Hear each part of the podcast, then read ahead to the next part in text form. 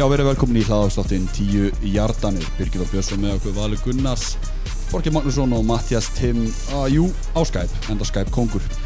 Við erum að sjálfsögðu í búið podcastöðurinnar Við mælum með að við kíkja á hana þessar frábæra þætti sem við tektum upp í þessu geggja stúdiói Svo einni erum við búið túlega Við erum ekki að tala um Taintermöðum boxin og við erum ekki að tala um fjárfæstingafélagi Við erum að tala um hennar bláa sem er lang bestur ískaldur Ekki sáfrákar? Jú. Jú Mikið rétt. Ekki rétt. Ah, erðu, um, nú hefur leikvöka þrjú gengið singar með uh, ábyrjandi dramatík og, og ja, hann var eitthvað ekki jafntöflega skil, nei, það var ekki jafntöflega, það var bara mikið í gangi þessa leikvöku. Það þarf, ekki að taka fram með þér ekki eftir Já, ég meina maður veit að það gerist fullt. Uh, við ætlum að taka ótímabæra uh, playoffsbá sem við ætlum að renni yfir hvaða lið við höldum að fari alla leið og svo munum við taka spá fyrir leikvöku fjör. En uh, við horfum á alla leikina. Já, jú. En við ætlum að bara fara bent í það og vinda okkur bara í fyndudagsleikin Fyndudagurinn Titans Jaguars. Jaguars unnu 27 Minshew Mania Matti. Já Ég kólaði eftir í síðustu viku og það bara mætti núna. Það máttum við mæta viku fyrir. En þetta var ekkert skemmtilegu leiku samt veist, Hann var geggjaður í fyrsta leikluta Skoruði hann 14 stig. Og ég var eiginlega hrifinn af Minshew. Hann bara, vittist bara rólegur Hann var ekkert svona með eitthvað svona rookie jitters Ekkert stress. Nei. Tók hann tvö throwing touchdown og hefði getið orðið þrjú ef Didi Esbúk var ekki lélugur og droppa bolta. En ég ætla að að koma einu fyrst um að tala um Minshew. Veistu hvernig ég er hefðin af? Ég er hefðin af pappa Gardner Minshew. Ég hef með mynda hann fór hann á símanum Þessi gæi jacked. En já, sorry, haldt að hann fyrir bara að koma til skila. Að ég fenn er ekki bara einhver svona lukutröll eða? Næ, ég húst sem að með deriðan og, og káluð upp úr en já, já, höldum áfram, hvað segir Já, sko, ég er nú ekkert mikið um að leika að segja. Jaguars voru bara solid. Það var bara eiginlega frekar örugu sigur. Fournette var endar ömulugur Ég ætlaði að vera að segja, er þetta ekki síðasta tímabili hans bara hjá, hjá Jacksonville? eða? Jó, ég ætlaði nefnilega að lesa fyrir ykkur smá talnarunnu. Hún er ekki réttir í rauðsand. Mínus 7, mínus 5, mínus 4 mínus 3, 0, 0, 0, 0, 0 2, 2, 3, 4, 5 69 Þetta voru hlaupin hjá Fournette í þessum leik. Jesús. Fældi ég eiga 69 hjarta rönn en enda leikin með 66 hjarta og átti samt 15 tilvunir Þetta er fárulegt Það, var ég satt lélegt. Um, Svo náttúrulega var umræða fyrir leik með Jalen Ramsey Hvort það myndi bara yfir höfuð eh, mæta í leikin Hann alltaf hringdi sér svo í hana veikan á mándaginn Til líka toppmaður, Emmitt uh, Hann spilaði leikin, átti bara mjög góðan leik. Já, þetta er svolítið pattstaða með hjá honum að því að Jacksonville vill líklega tvö first round pick fyrir hann.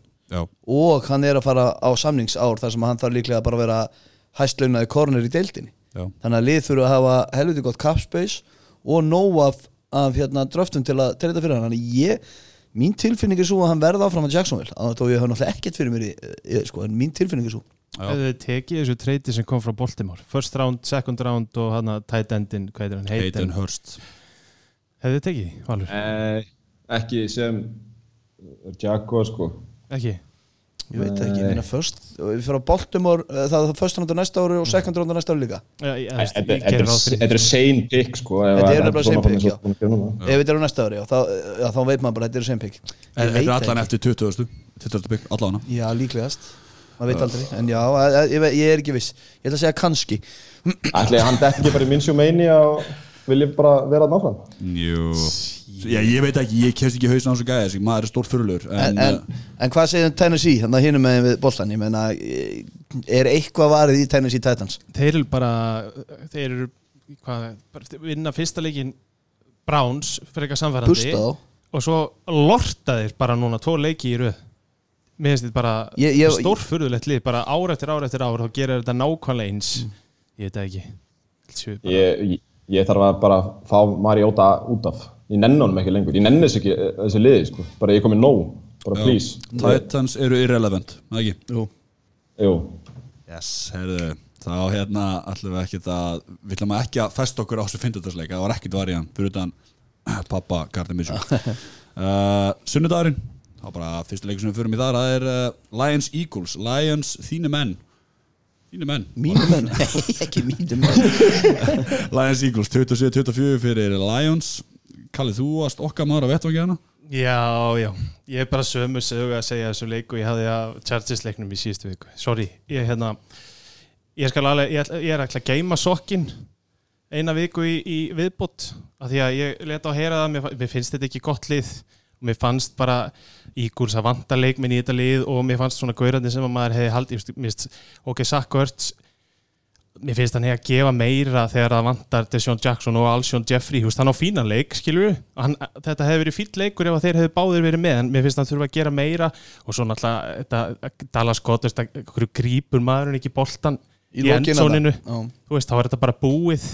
Og svo fannst mér síðasta sókninu og hún bara fjarar einhvern veginn út í tóma vittlisu þannig að, að ég veit, ég svona persónulega ég ætla að geima allar hæpingu á Lions-liðinu ég gæti trúa því að þeir séu þeir geti barist um þriðja sætið í NFC North en það verður ekkit meira heldur en það sko. Sko, nú ég er ágætlega hrifin á þessu lægansliðin eins og ég kom, kom að síðast og hérna og það var leiðið að mér. Uh, Þeir vinna aftur núna leik sem þeir áttu ekki að vinna, ég meina að menn missa boltan það voru reyndar óvinni mörg dropp hjá Eagles ég skal það. Og, með, og meðsli hjá Eagles. Og, og, og Deshaun Jackson og Alson Jeffrey voru ekki til dæmis. Já. Uh, auðvitað, við, en við getum sagt það um hvernig einasta leik í NFL en ok, mér fannst samt þeir líta bara nokkuð vel út í þessum leik. Og hérna og þeir vinna og sigur er sigur.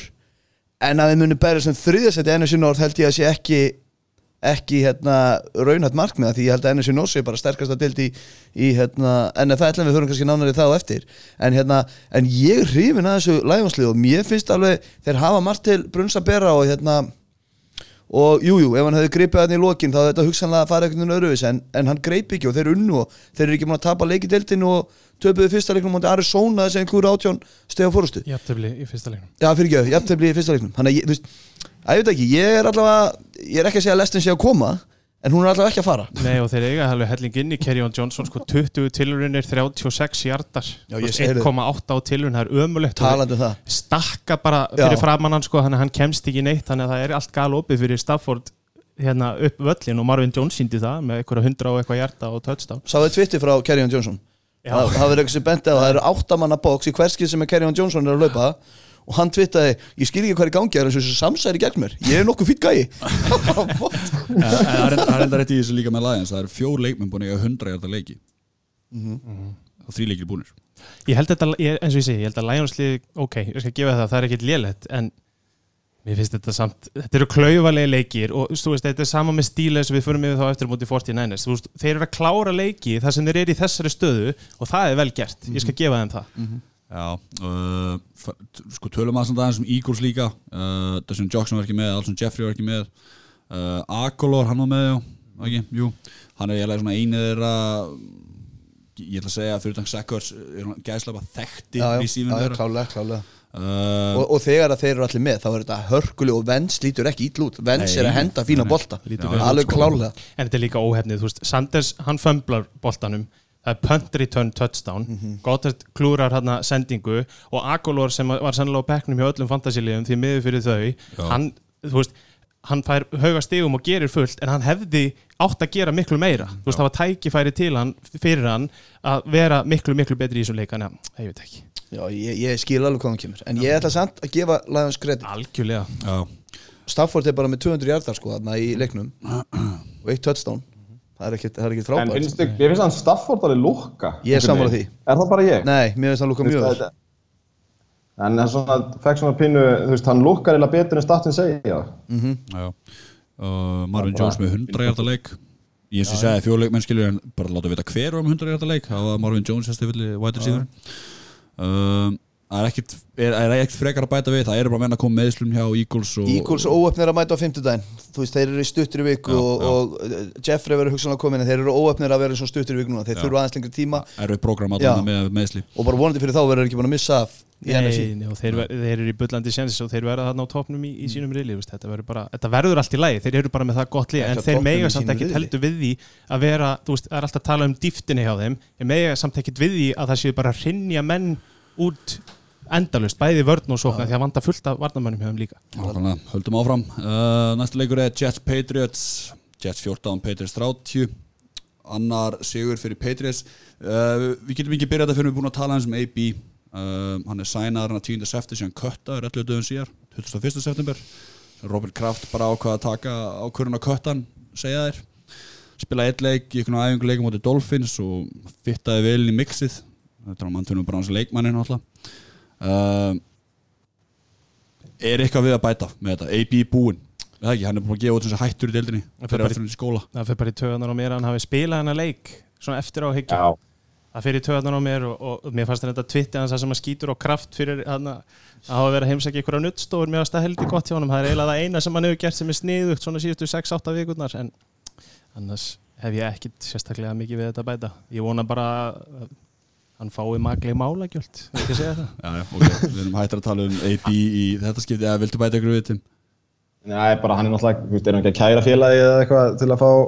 eitthvað signing bonus, skadabótamál. Mér finnst þess að sé alltaf að kæra eitthvað uh, Já, og væli alltaf við að eitthvað af þessum tveimur risasamningu sem hann gerði sem voru, hvað, þetta voru 30 miljónir og, og hjá Patriots og eitthvað öðruvísi hjá Oakland þá fær hann 150.000 dólar Hann er að tapa gigantískum já hann pening. átt að fá í sænibós á mándaginn, það er rétt. Já, hann- það er svona köttur Já, En eins og ég segi, þú veist, hann, bara, hann á bara eiginlega ekkert betra skili Nei, alls ekki Heru, það var bara margt með okkur tíu ördum að vera blokkaðar á honum á Twitter. Það, það er bara, bara for, for the record. Um, James White var ekki með á reyna sparn til hann ekki James White. Og bara sjáta á þetta á Peters fyrir að að fá frí ekki? Jú, Jú, jú, bara svona það er- smá svona það er svona um vikan í röð Patriots og þar svona. sem að eitthvað mikilvæg leikmaður í lifinu eignast batn og er upp á fæðingadelt ég átti ekki vona því fyrir Patriots en allt í lagi.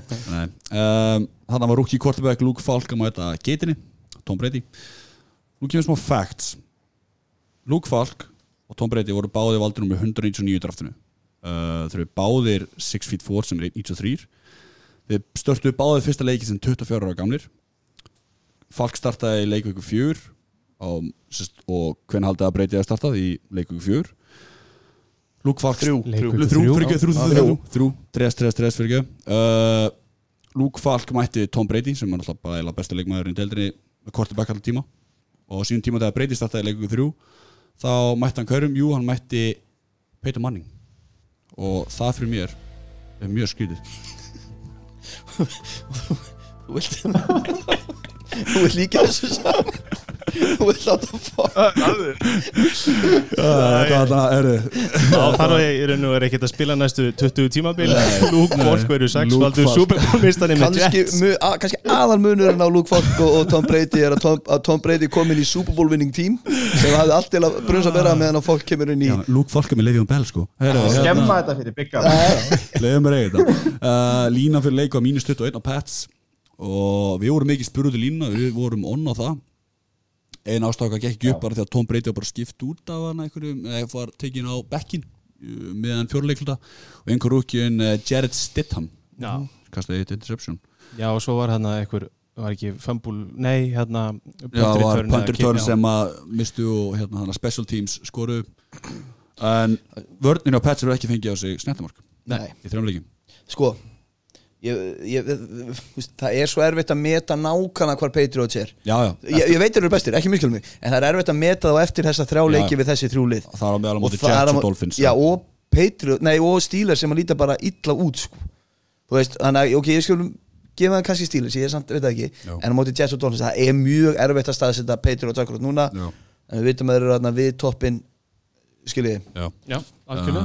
Um, Sjö leik með grifu bolta á Pats uh, Rex Burkhead leti hlaupaleikin fyrir 47 hjart 11 tilhörnir uh, ég meina bara breyti heldur sinni vekk fyrir áfram aðeins sjönda Edelman mittist jú á öxl. En það er allt í lagi með hans. já, það er svo að lægi með hann, já, það er eitthvað minna átt að meðsl það var svo ekki vandamála sem Philip Dorsett og Josh Gordon sá um þetta. Philip Dorsett, lítur vel út hjá já, lítið mjög vel út, 6 krifni boltar fyrir 53 hjarta og touchdown. Og fyrir hérna, fantasy spilar Josh Gordon er líka ágættur, sko. Já, Josh Gordon Veiver væri vaktin á Philip Dorsett eirun upp, það er bara svo leys Þú leiðum ekki svona að koma inn á Josh Gordon, já ok, ég, eh, já, 6 skrifir boltar og 83 hjartar, takk Tim.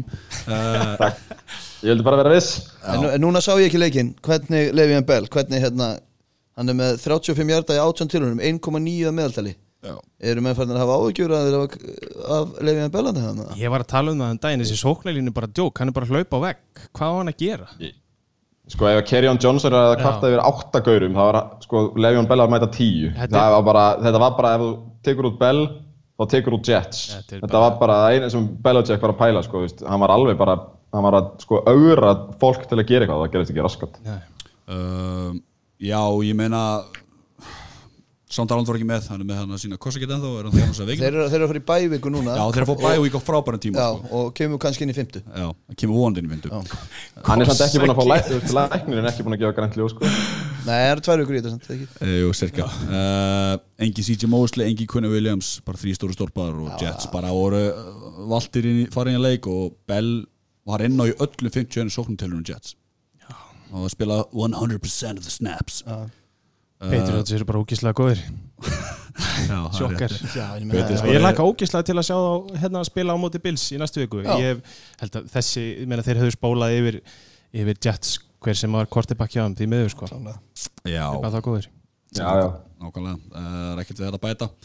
Svo sem um, höldum áfram og förum við í Falcons Colts. Á fættu Falcons Heivisson til Indianapolis það sem að Colts unnu 24-27 og Alur, þú varst eitthvað með pælingum með þetta ekki? Já, ég skoði hann sannleik og hérna, kannski fyrsta dæmið er að Falcons fekk boltan sexinum allan leikin Það er ótrúlegt. Sókninni á Falcons fekk hann sexinum allan leikin Já, það er magnað. Það gæti verið með, ég veit það ekki alveg.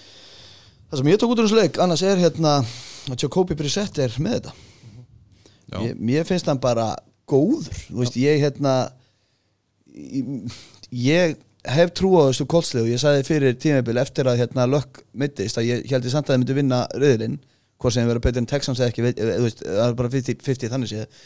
En þeir eru bara með allt til alls finnst mér og vörnin hafa aðeins gefið eftir hérna í setnahólugnum en þá bara virka þeir mjög solid, þeir eru með fínan hlaupaleik þeir eru með Jacobi Brissett þeir eru með Tíva Hilton sem að mittist reyndar í hérna í, í leiknum og það er bara day to day.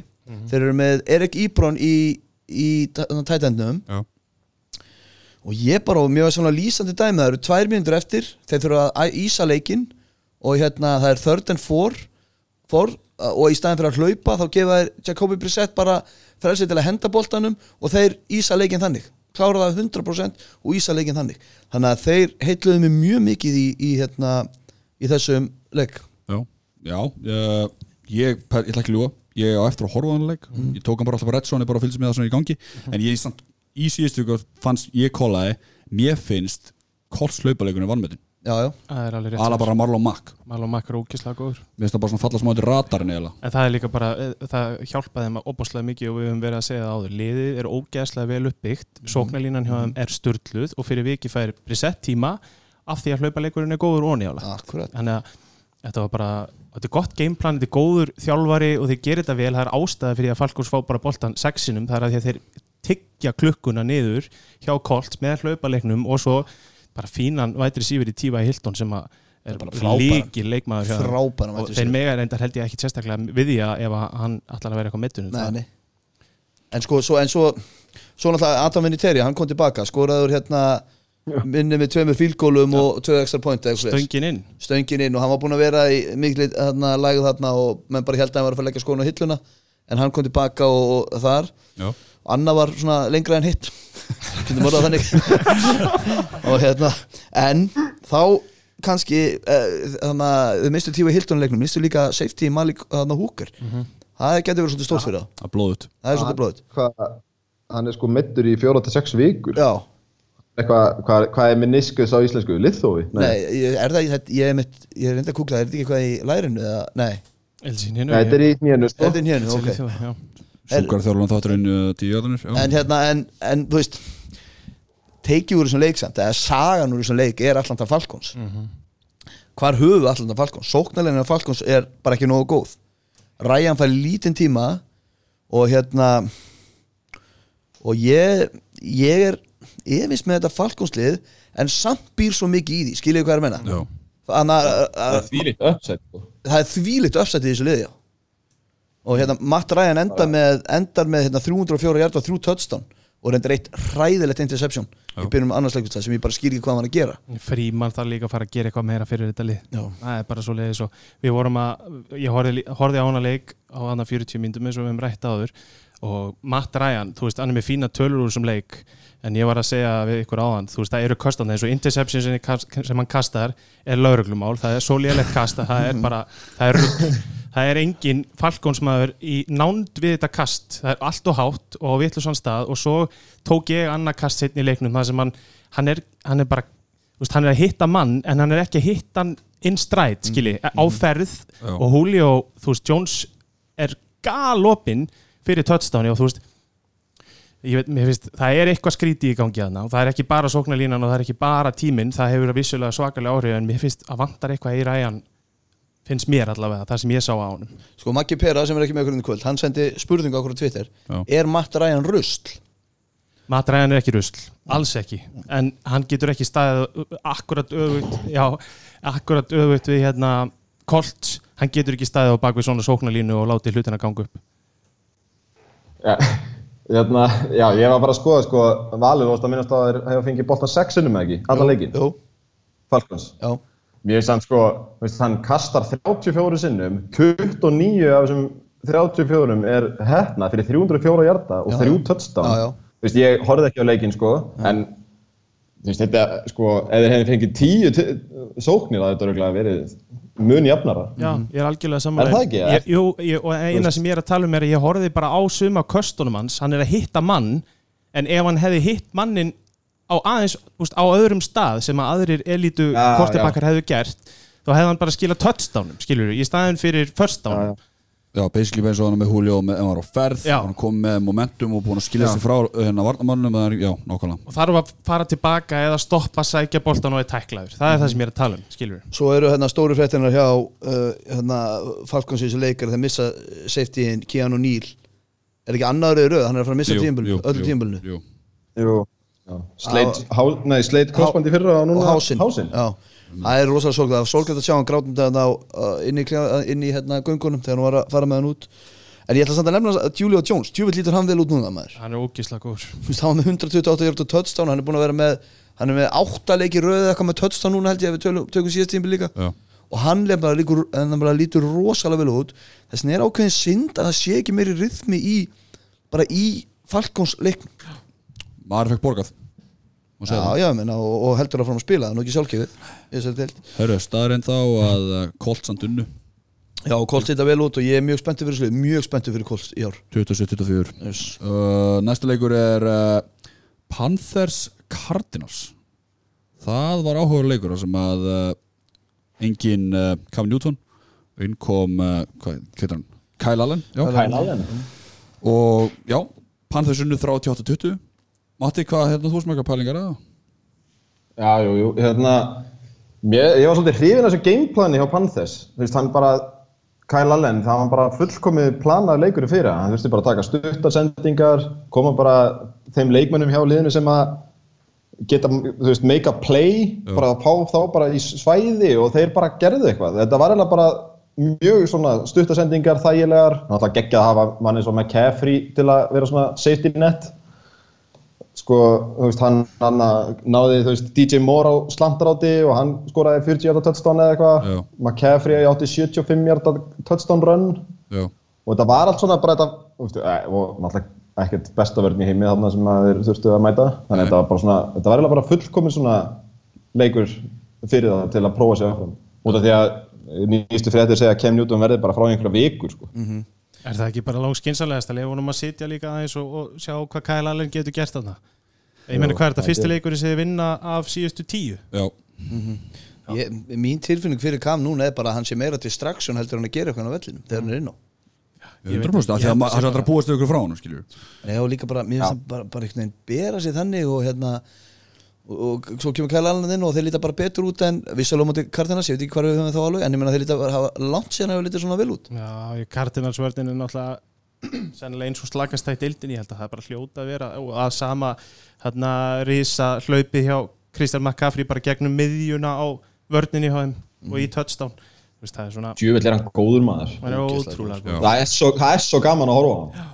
Með, eitt svona besta bara svona multi-weapon í þess að allround Hvaða fleiri svona hvítir hlauparar hafa verið svona góðir eða hugsa um það? Er ég, ég er að Rex Burkhead. Nei, nei, svona ángurins, Danny Dan- Wood- Já, ég meina, hann er ekki á Danny Chris Woodhead? McCaffrey leveli. Já, nei. Ég er svona heilt yfir, munið eftir Petri Kvítun hlaupara Nei, ekki, ekki Nei. þannig sko. Og það var líka að klikkuð. um? Hvað segir Matti? James White Góður. Wow. Uh, ok, færum okkur frá þessu. Við hendum við svo Twitter. Hendum við svo Twitter Áttu hvað þau finnið það út. Þessi var rosalega lélugur maður. Það er Panthers Ég Cardinals. googlaði nefnilega White running backs og þá kom ekki bara James White. Já, En hérna, en er eitthvað meira um þetta að segja? Mér? Uh, Panthers vinnur hann, við spáðum reyndar allir sigri í síðustu umferð. Já, að því að við Á grunni þess Samt að Cam myndi spila. Alveg klála, myndi ekki spila.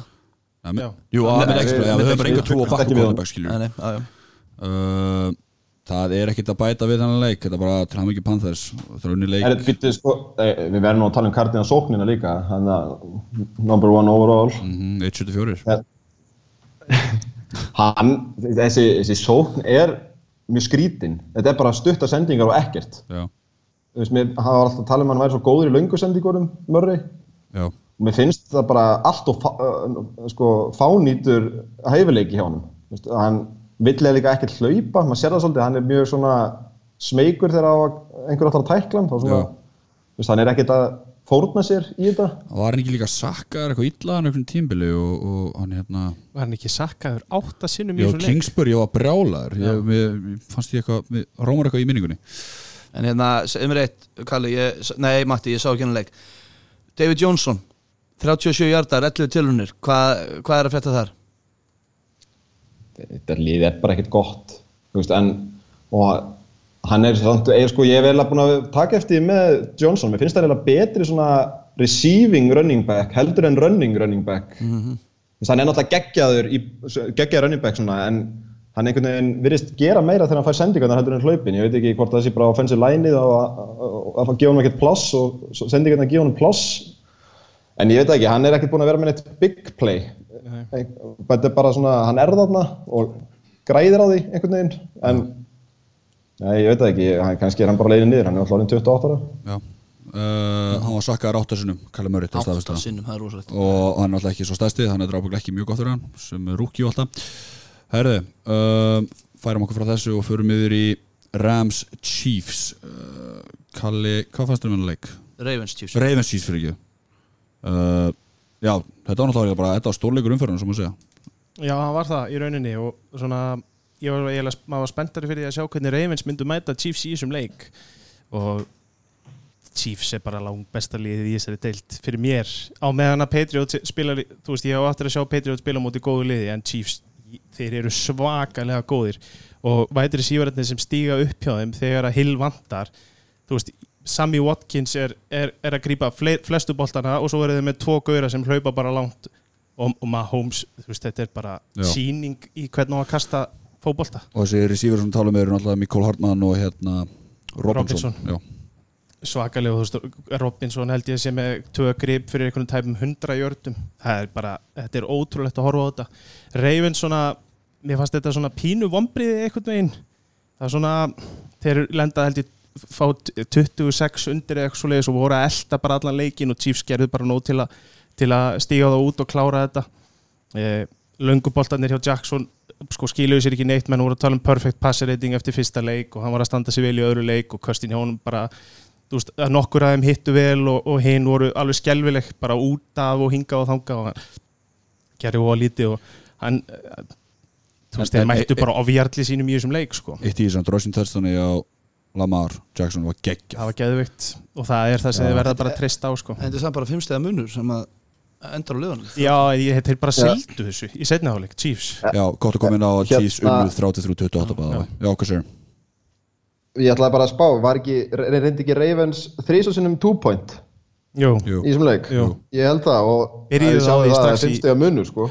Það var, Það er fimmstega munur á liðunum. það var, var 6-0 vegna þess að þeir fá á sér víti í, í hérna, extra pointin og þá reynaði 2 og klúraði og svo lendaði 26 undir held ég, bara beint í andlitið John, Já. John Harbaugh talaði um að hann, þeir eru að skora mikið til að Já. halda í við Chiefs þannig að Já. liður honum það hrætt við Chiefs að þeir eru hættir að taka extra point Já, þeir reyndu, sko, ætla að reyna ekstra pointi og það er flaggað á það þannig að þeir fara nær og reyna 2 pointi það er í raun og veru það sem flaggað á, á, á Chiefs, Chiefs. Já, þannig að þeir fara nær Þú veist, það er það sem gerist.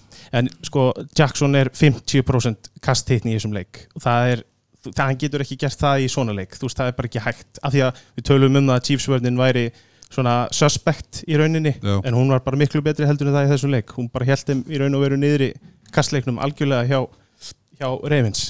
Hvað hérna uh, að maður hafa ágjör að reyfins út frá þessum leik?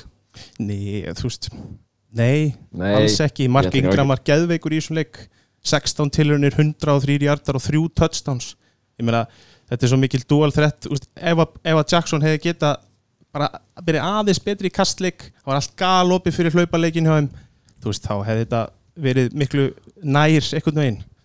Og ég meina í þokkabót secondary á, og vörninni á Ravens Earl Thomas, hann var á Sam Watkins er rétt mér, ég sá, ég sá þannig eitthvað play sem Patrick Mahomes þá sérst er sérst, bara pocketið kollapsar og hann er bara skrambaldi hæri og hann kastar á Robinson sem missi boltan bæða á en það sést þá við erum bara Sammy Watkins tekur þá bara hlaup frá hæri til vinstri bara þertið í völlin og Holmes ætlar að kasta á hann og pumpar, hætti við skilur og sé svo bara Robinson opinn og kasta þanga skilur X-faktorinn er bara Patrick Mahomes Já, það var leik. Já, já klálega ég veist ekki X, ég bara segja, veist, hann er Bolt lang, guður hann er bara lang, lang þetta Já, er það bara vantaði öðru Williams í þennan leik eða ekki Það vantaði Demi Williams jú, í þennan Williams og Tyreek Hill. Hill og það, það þetta er- Já, þetta er heimurinn hans Já, McCoy sem að leit út fyrir að vera meittur fyrir leik, hann bara skilaði sínum tveim touchdownum og var bara ógislega góður sömulegis.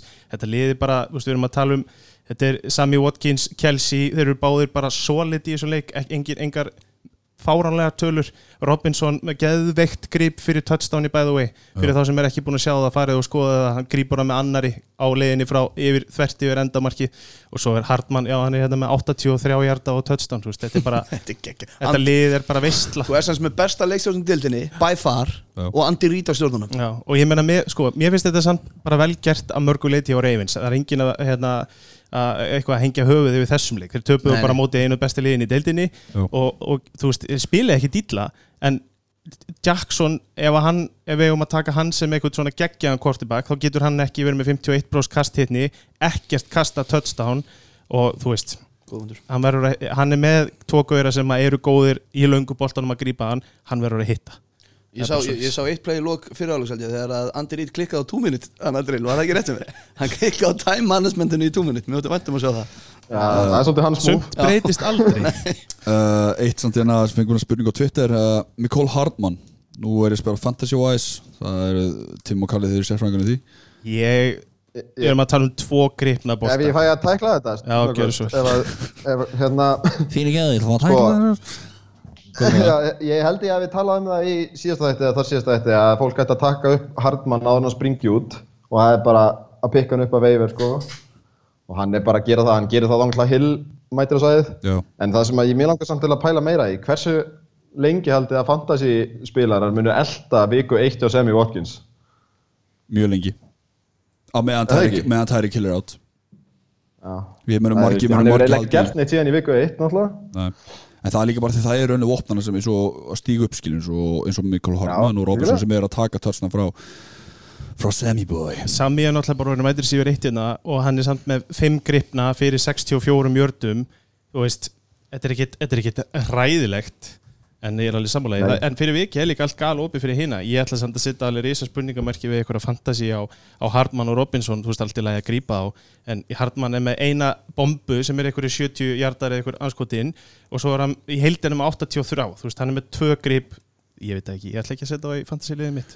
En ég ætla þess að velja, ég ætla, ég ætla að velja Mark Ingram sem túluleik það er Já. sammálaðið Ég tók ekki með Holmes, stóðstu þið því Tim?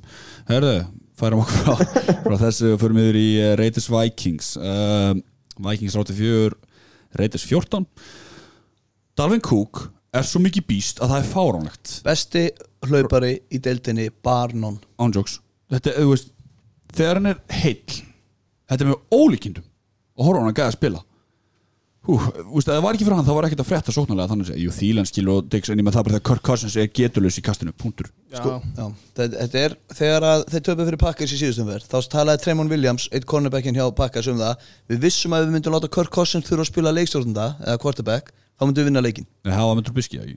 nei, það, jú, að, nei, það var Kirk Cousins. Nei, nei, það var Kirk Cousins Fuck me. Ok, en það er þetta að segja saman Kirk Cousins, held ég. Hann bara gerði það ekki. En þú, en þú, en þú bara að segja þetta að því þið setur inn Trubisky treyf Nei, nei, nei, nei, nei. Ég, af því að það er mín tilbygg ef, að- ef hún er að stoppa hlaupaleikin hjá hérna Vikings Það var ekkert að frétta. Já, þú veist, eins og við segir, þeir eru með Dix og Thielen og, og Já, Rudolph. en ok, Já, smá stats. 15 efnaðar kastilunir á 21 174 hjartar 1 touchdown. Svo var ein sending til Þýlan svo var basically bara hérna rushing touchdown hjá Þýlan já. Uh, og svo náttúrulega en þetta eina touchdown var touchdown pass til segir Þeir borguðu sko 86 tri- uh, guaranteed í innan gæja sko. 84. Hvað ætli sé að borga per kastilrun? Já, veistu, næsta þetta ég skal actually renna yfir það Kostins bara ekki að delivera hann er bara getulus, punktur. Já, já. Ég hef áhyggjur af þessu liði. Ég elska Dalvin Cook, ég er alveg sammála því. Hann er alveg einna bestu væ- hérna, rönnibakkunum í deildinni. Ég hef stórfældar áhyggjur af Vikings eins og það er ef að þeir ætla bara í gegnum hann allt tímabili Það með með að stendunum Já, Eða þeir bara hann er bara hann. þekktur fyrir það að meiðast. Það er bara, það er alveg rétt. Það er samt eitthvað við þetta Vikingslið sem að hylla mig og ég, ég hef aðeins meiri trú á Cousins en kannski ég hljóma. Já. og, hérna, og með Dix og Thielen og Kyle Rudolph, ok? Það er bara að koma inn í mixið, skiljur Já, þú veist um leið og sóknir fyrir að þeir eru með hörku, hörku, hörku vörn og góðan þjálfara. Held ég ekki, ég held að maður ekki sem þessi góðan þjálfara. Okay. og hérna, þú veist, mér finnst alveg uppsætið þeirra líka alveg, þetta er svona svipað með Falcons. Mér finnst uppsætið hjá Vikings miklu meira en að sína en að því sögðu það, þá unnuði þennan leik 34-14 Já. en þeir verða að komast yfir snemma í leikjum og svo bara grænda þetta út eins og þau gerðu hérna í, í, í, síðast, í, þar, í fyrsta leiknum, minnum mig. Það eru líka með fínan gaur á bak við Cook í Alexander Mattisson hann er bara ríkilega fín og, og, hva, og hvað heitir tættur nummer 2 hjá Vikings? Irv Smith það ekki? Jú, það getur verið Jú, af því að hann er af því að, þú veist, hann er að að um að hann er að pressa á Rudolf þegar sem er ekki búin að býða þegar Rudolf byrja að geta eitthvað skilju hann er að pressa á hann þannig að þeir eru með tvo já, góða tætunda myndum að segja. Mhm. uh, tölum líka aðeins um Raiders. Darren Waller er 70% af sóknarleik Raiders punktur þannig að Derek, Derek Carr hefur sett upp á skotmorku það er Darren Waller. Það 13 Sko- glipti boltar já, wow, fyrir ekki, 13 glipti boltar af 14 by the way, að misti eina sendingu. Hann fekk sko 134 fyrsta yards. targetið sitt í lok fyrirháleiks já, Svona til að gera þetta ennþá steiktara sko. Uh, 184 hjartar, ekki touchdown. Ótrúlegt. Hvað er það að Derek Carr vagnunum? ég held að við bara sjáum hann ekki sérstaklega mikið á næsta tíðanbili Ég, Er hann ekki svona átjandi besti kortebekkin í dildinni? Ég held Átjandi 22 Allir fóru alltaf Ég- fróði fell eftir, eftir fyrsta leikin og þetta er Broncos. Það voru allir bara eitthvað Hann að sína takt eins og síndi á MVP síðan sínu Ok, fyrsta leikur skilur uh, Ég ætla að vera mjög skeptiskur á Derek Carr og ég hugsa að á næsta ári eða það næsta ári við erum aftur quarterback. Ég bara glemdi að mæta á lestistöðuna með Der Derek Carr. Ég veist hann hundleðilegu leikmaður. Við erum mikið fyrir tekjut úr ræðina Já, gott, gott spil. Ég hef hins vegar áhyggjur ef við höfum að ræða eitt þá hef ég áhyggjur af Stefan Diggs því að ég hef ekki orðið var við hann bara yfir höfuð. Hann er með 37, 49 og 15 gripna hjarta hjá þessu liði. Ég, með þessa tvo vætri sífara besta, eitt af bestu dúóunum í deildinni og hann er bara sést ekki. Já, En er það því að það er ekki verið að delivera til hans eða því að Diggs, að sjálfsögur er það vegna þess að það er ekki verið að di- Akkurat. delivera til hans. Minn punktur Kirk Cousins getulus Hérna, hann er ekki nógu góð Nei, Já, nei, punktur. ég, ég, ég, ég kaupi ykkur alveg. Ég myndi frekar setja hann hann það sem þú ert að setja Carr og Carr fyrir neðan 22 Já, Derek Carr 27 hefnarsendingar á 34, 242 hjartar 1 touchdown. Josh Jacobs haldi í skefjum 10 tölunum fyrir 44 hjarta Það er vel gert Já, hjá mér á langaði móti sem að mjög ræða þetta í sambandi við Raiders Já. Ef að Hvað? Það er hérna Í fyrsta leiknu þá er hann sko með 24 þú veist, target plus hlaupatilunir Mhm. og svo í viku 2 þá mingar það um 50% og í 12 og svo bara aftur 12 núna. Þú veist, besti leikur þeirra er þegar hann er búinn að vera sko, meira fókus ég veit ekki hvort að þú veist, hann er búinn að vera eitthvað veikur og missa 4-5 kíló upp á síðkastið, en ég veit bara ekki, þú veist, að spurning hvort að hann sé bara leikillinn til að halda kar frá því að vera að þurfa að gera um mikið. ef ég var að spila á mótið þeim þá myndi ég bara stoppa Jacobs. Og þá held ég að það bara fljóti í gegn þessi leikir á mótið Ógland Alright uh, Startið bara Waller í PPR Fantasy. Já, uh, ein, ein hérna pæling líka. Uh, að því við erum ennþá með Raiders bara áður en við höfum eitthvað áfram. Á að henda Antonio Brown á waiver. Já, Já, hann er fann í skóla. Ok, hann fann skóla. Ok, droppið. AB taki, hætti að láta hann inn að taka pláss frá. Farum okkur frá þessu yfir í uh, Broncos Packers. Það er hérna strákar þið eru ábygglega mjög glæði með þennan leik það ekki? Jú. Jú, ég sem pakkast alltaf mjög ánægð með hann leik. Já, ég, ég trúi því eða, eða, ég segi ekki mjög ánægð ég segi, ég segi ánægð með hann leik. Þú ert sáttur? Ég er mjög, Já, ég er mjög sáttur, orðað þannig. Pakkast 27, Broncos 16 Valur þú ert að manna þess lasta ekki? Jú, ég er búin að vera að pakka í smá tíma skal ég ekki það. En þetta er þriði leikurinn röð sem að pakkasvörnin bara heldur pakkas uppi. Já. Bara og heldur sókninni í raun og veru uppi. Eins og ég sagði, einhvern tíma þurfa öll að tapa og einhvern tíma þurfa öll að vinna. Já, það er, eins og það er. En, hérna, en bara vörnin hjá Packers hún lítur ótrúlega vel út. Já. og við erum að tala um sko alveg fáranlega vel út sko. Erum, þeir áttu, voru með eitthvað sex sökkað eitthvað í leiknum. Já. ég er nú ekki með þetta fyrir framaklega núna en þeir voru með eitthvað sex sökk í leiknum. Uh, Fumble, Jairi Alexander í cornerbacknum á öðru árunni sínu hann er, hann er hæst rankaði cornerbackin í deildinni, Emilio Sanders menn er að tala um að hann sjórin elitu receiver sem ég er ekkit ósamala hann fekk aldrei boltan þegar Alexander var að dekkan hann. Með tíu hjarta í leiknum og það var úr zone coverage sko. uh, Daniel Savage sa- safety sem við dröftuðum núna fyrir hérna, þetta tíðanbíl lítur fáranlega vel út hérna, öll, eh, free agency addin hérna, smiðbræðinir og því hérna þetta er bara, þetta lítur rosalega vel út í vördunni á pakka þess Já. og það er það sem að skóp þennan sigur enn og aftur en sóknin lítur ennþá út eins og hann sé að hittast í fyrsta skipti í göngunum áður en hlaup út á völl Já. Ég er með eitt take á, á þennan leik sem ég ætla að taka yfir á tvo aðra leiki að því að pakkasvörnin er að gera það sem að falkonsvörnin og vörnin hjá Stíles gáttu ekki gert. Þeir eru að klára leiki fyrir pakkars að því að falkonsvörnin hefði geta klárað þann leik og í Stílesleiknum þá hefði Stílesvörnin bara átt að stíga upp og klára þann leik á einhverjum tímapunkti. Og þessi vörn er alveg saman hún er bara topp 5, topp 3 í þessari deild. Og Brian Gutekunst, vinnu minn er bara GM ársins eins og það er núna. Því líku gæi og allar þessar breytingar sem við erum, höfum ekki gert í ár eftir ár eftir ár eftir ár.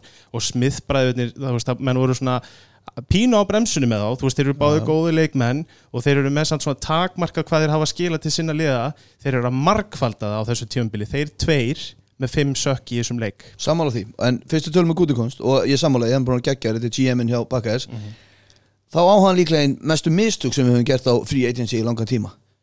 Og það er dýrasti tætandi dildinni, Jimmy Graham. Já. og ég er ekki að íkja þegar ég segi að við getum hent bygga í tætandi hjá okkur og hann myndi gera það sama því að hann blokkar ekki hann grípur ekki hann gerir ekki nokkuð skapaðan hlut. Ég ekki tek svo þessu sem 190, hró- Já. 90 kíló eða ekki? Ég seti þetta á geggjarhás Já, en, hérna, en veist þannig að það er svona eitt en, og svo er spurning, ég hent hérna spurningu fram. Rodgers sko, ég, menn er eitthvað aðeins farnir að ef, tala um að hann sé bara eldar svona, ég er ekki alveg komið þangað, ég held að sóknin er eftir að gela saman. Á maður að byrja að hafa ágjör Rodgers Þetta eru, við erum, sko, Pakkas er búið að vinna núna þrjár solid leiki þrjár solid varnir, Vikings, Bears og Denver. Og ég meina, ég er ekki hrifin af þessu Denver liði, ég held að sé eitt lélegasta liði í deildinni, en þeir eru með það góða vörn að ég held að sé alveg verðt að að fylgjast með þeim. Þeir hins vegar með sko, eitthvað albesta varnar þjálfara deildarinnar get ekki neitt. Þeir setja sára litla pressu á Rodgers í þessum leik og hafa bara ekki gert nokkuð skapaðan hlut núna þrjá leiki í röð og það er verðt að hafa áhyggjur af því. Já, tölum svo aðeins um Broncos. Já, ég ætla ekki að Ég er er var að færa mig yfir það. að því að vörnin verður að halda þessu Denver Broncos-lið á floti og þeir eru ekki að gera það eins og staðinni núna og Nei. Joe Flacco held ég bara, þú veist, þeir sem að held í alvörunni að Joe Flacco gæti komið aftur frá, sérst, frá Ravens og gert eitthvað, það dæmið er búið. Elite. Sko, já, Flacco leit ekki vel út í þessu leik en hann leit ekki heldur út eins og bara hann getur ekki neitt. Nei, þetta er be samt besti, hérna, hvað heitir running backinu höfum aftur, Philip Lindsay, Lindsay. þetta er besti leikurinn hans á. Já. og það var tækifæri til þess að ná pakkars í þessum leik. Já, af því að sóknin hefði maður léli og Sam- þeir gera það bara ekki. Sam, já, Já, Var ekki, var ekki dæmt frekar illa hann að það var eitthvað Jú. touchdown, ég bara svona las þetta og sá þetta, það var dæmt eitthvað fárætt holding call á San- Sanders. Og það hefði komist yfir það ekki, er, er ég ekki rétt að Jó, þetta er annars, ég heldur að við jafna það, ég man ekki alveg hvernig það var en annars, annar leikurinn röð sem að Pakkes fá tilbaka touchdown sem að freka vafasamt mm vafasamt dómur. Og hérna, og var, svo var flakk og sakkaður í næsta og þeir taka goal. En Philip Lindsay leit vel út og hérna, og það er svona einu ágjörna sem ég hef sem Pakkes maður af vörnin, það er hlaupa Svona big play vörnin. Já, big play, já, já, við höfum verið að hleypa svolítið hlaupið út um okkur. Já. en hérna, en, en hérna, hann, leit, hann leit mjög vel út. Mér fannst nei flakka ekki líta ill út en hann, eins og segi, hann leit ekkit hræðil út. Mm átti eitthvað skrýtna interception sem ég séð það var ekki, ekki bronkosmaður í kringum þarna Sabitz þegar hann tóka en stóra málið í þessu Denver máli er, er það sem þú nefnir Kalli að þeir eru með Bradley Chubb og Von Miller og þeir ná ekki einu sakki þriðaleikinu röð. Ótrúlegt 0 sack á árinu og 0, hvað er ekki, 0 turnovers líka. Ég það. Með 0 QB hits var það ekki, þetta var eitthvað Þetta er alveg ævintýralega liðlegt Rodgers hendi þess að þrjus á boltanum frá sér í setna áleik það sem að þið voru að koma, hann bara losa sér við hann. Já. þannig að nú gefa hann það. En, hérna, en menn er að tala um að Fangio, þjálfæðar er að hann, við nefndu að síðast þetta Já. ekki, hann hefur aldrei þjálfað af línunni. Já, Ég hann sagði lí- hann það í líður síðasta best upp í og það væri ástæðan fyrir þessu. Ég, já, ég veit ekki ég ætla eldsnött að svara spurningunni þinni, sorry, af því að við erum pakkismennið og það er fullt af pakkisfólki þetta kemur. Þetta er, þetta er greinilega massíf breyting á sóknarleik að skipti yfir í þetta kerfi. Það sem ég hef ágjur af er hvað hvert einasta play tekur langan tíma. Þeir mjólka klukkuna alveg niður í ekki neitt. Það, ég hef svolítið ágjur af því, mér finnst þetta að taka allt og langan tíma. Ok, færum okkur frá þessu. Þetta þetta er nýjend, þá er þetta bara Broncos Packers. En samt gott win, þau eru 3-0 bara bronkos Gott þetta Ég man nú ekki betur en að einhver hafi, 3-0. ég ætla bara að fá að benda á það sagt að Denver Broncos myndu vinna hennar leik því einhver tíman verða vondir að vinna. Ég, skal vikna það, ég, þetta er sokkur um mig. Ég sagði að, að ekki hérna sokkur á því það er bara gali teik Nei, en á sama tíma samt Þá náttúrulega eins og við sögum Von Miller og Bradley Chubb, það er eitthvað að. Það er eitthvað mikið að. Ég held að, ég held að Von Miller sé bara vel að sjá stóra hatta eða eitthvað, ég veit það ekki. Herre, næsta leikur uh, Dolphins Cowboys. Dolphins 6, Cowboys 31 Ég er ekkert pyrraður, ég sé framfærir No joke, ég sé bullinu framfærir fyrir Dolphins? Já, fyrir Dolphins, já. Uh, við svona allir að hérna Cowboys voru að vinna Rose sem startaði leikin gefa hann smá uh, sjálfströst. Mér fannst að líta sæma lót svona, úst, svona með að við sko. Ég er sammálaður, ég horfði á, á já, ég sá bara, sá þetta Redsson, ég sá sérstaklega byrjunum á leiknum, þeir litu ágætlega út í byrjun Já. hvort sem að það var bara á, þú veist, liðin geta á, bara ekki mætt held ég í svona leiki á fullum krafti. Ég held að það sé bara ómögulegt. En enga síður þá verða menn að taka það og þeir hefðu alveg mátt klára eitthvað af þessum dræfum sem voru góð í byrjun með touchdowni, það hefði verið klálega. mjög sexy. Og ég meina, Devontae Parker átti hann að one-handed grab hann strax í byrjun og svo tóku þeir þetta onside kick sem var strax bara í fyrsta leikluta Já. hérna Miami. Það var vel gert. Það var svona, svona smá pungur og hræðjar á þeim og uh, sem var kallað tilbaka út af uh, Víti á Miami því miður. En þeir recoveruðu boltan eitt samt í þessu. Mér finnst vant alltaf svona heift í vörnuna hjá Miami. Veitu hvað ég við, þú veist, alltaf þegar menn kannski ná hérna pass defense eða tæklingu, þú veist, þá stígariði menn og er ít í það og er að segja eitthvað andlutaðum mér finnst alltaf mikið bara svona pat on the back og bara vinalegt eitthvað milli Miami og, og Cowboys. þeir eru ekkert að reyna að vinna Já, ég vil samt fá smá heift. Já, já það, við, sem að- það er ekki að fyrsta sem ég myndi breyta við þetta lið sko. Já, heyrðu, þá, það er því sem rúlar svo baki og segja bara taktu mig, sko. Nei, þú veist. en, veist, Það er bara, veist, það sem ég bara segir Ég er bara ég að byggja um smá, af því Brian Flores er varnaþjórari, sko ég, ég, skilði það en hugsaði hvernig heldur þessi að vinna í umhverfi? Það er ábúinlega ekki gaman. Þetta er bara eins og að mæti vinnuna og þú ert að gera eitthvað fyrir framtíðina þegar þú veist að fyrirtæki bara á hausinn eftir viku.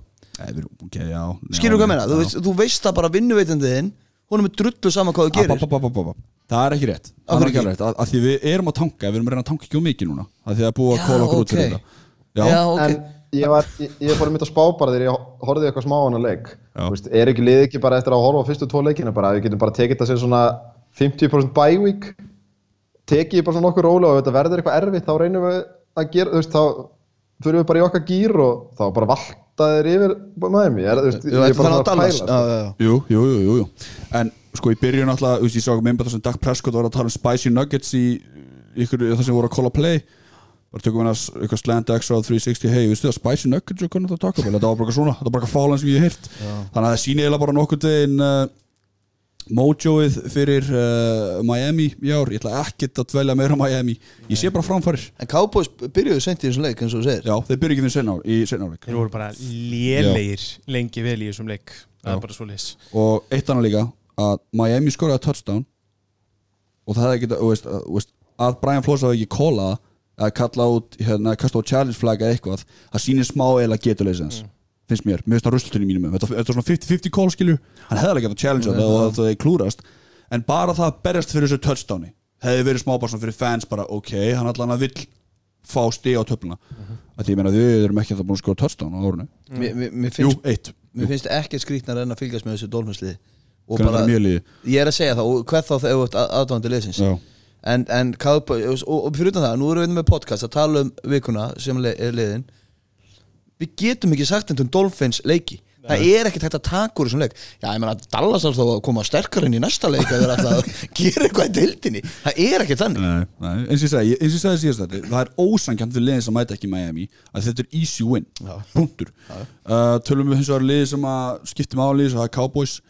Uh, Dag fekk endar á þessum tíma í pocketinu, lítið sem engin press á mannin og veist uh, 19 hefna sendingar frá til 246 hjartar, 2 touchdown, 1 interception 1 rushing touchdown. Ég endur takk sem ég segi, það skiptir engum vali Nú, ok, ég er bara að reyna að peppa upp, upp Cowboys, hvað segir þeim? Já, ég veist, mér finnst bara eins og Dak Prescott sé búin að vera næst besti quarterbackin á árinu. Já, já, já, ég, ég, hann er mjög vel út í leik, sko. Já, þú veist, hann er sko með 920 passing yards og með 74,5% completion rate. Já, Þú veist, þetta er, hann er að eiga sko, þú veist, það er allir á, þú veist, náttúrulega Mahomes er nummer eitt. Þú veist, það verður ekki tekið þar, ég ætla ekki að fara að bulla eitthvað í kringu það, en hérna, er allir á Ravens-vagninum og svona, þú veist, Prescott gæti ángis orðið á MVP út af því að þeir vilja verið ekki gefa sama manninum þetta tvö, ári röð. Mm. Og, og bara með þeim rökum þá er Prescott bara orðið nummer eitt fyrir mér í MVP kapplubinu. já, áhugavert eftir þrjárum fyrir Eftir þrjárum fyrir. Já. Veitum á Dolphins, þannig að takk þetta tvær. Uh, Amari Cooper, 6 skrifni boltar 88 hjarta, 2 touchdown. Tala síta ógeðslega vel út, sóknarlega og varnarlega, punktur. Um, ég er svona, bygg, nei Kalli þú sagður á hana að Eagles myndi alltaf vinna riðilinn sinni, Dallas er alltaf fara að vinna ennum síst Nei, ég sagði ekki að þeir myndu vinna. Þeir myndu berjast við Já, Cowboys ok, um, um eftirsæti Ok, uh, ekkert frekar að bæta þetta bara Dolphins are trash. Um, 49ers Steelers Matti menn uh, Þetta var fáránlegasti leikur vikunar.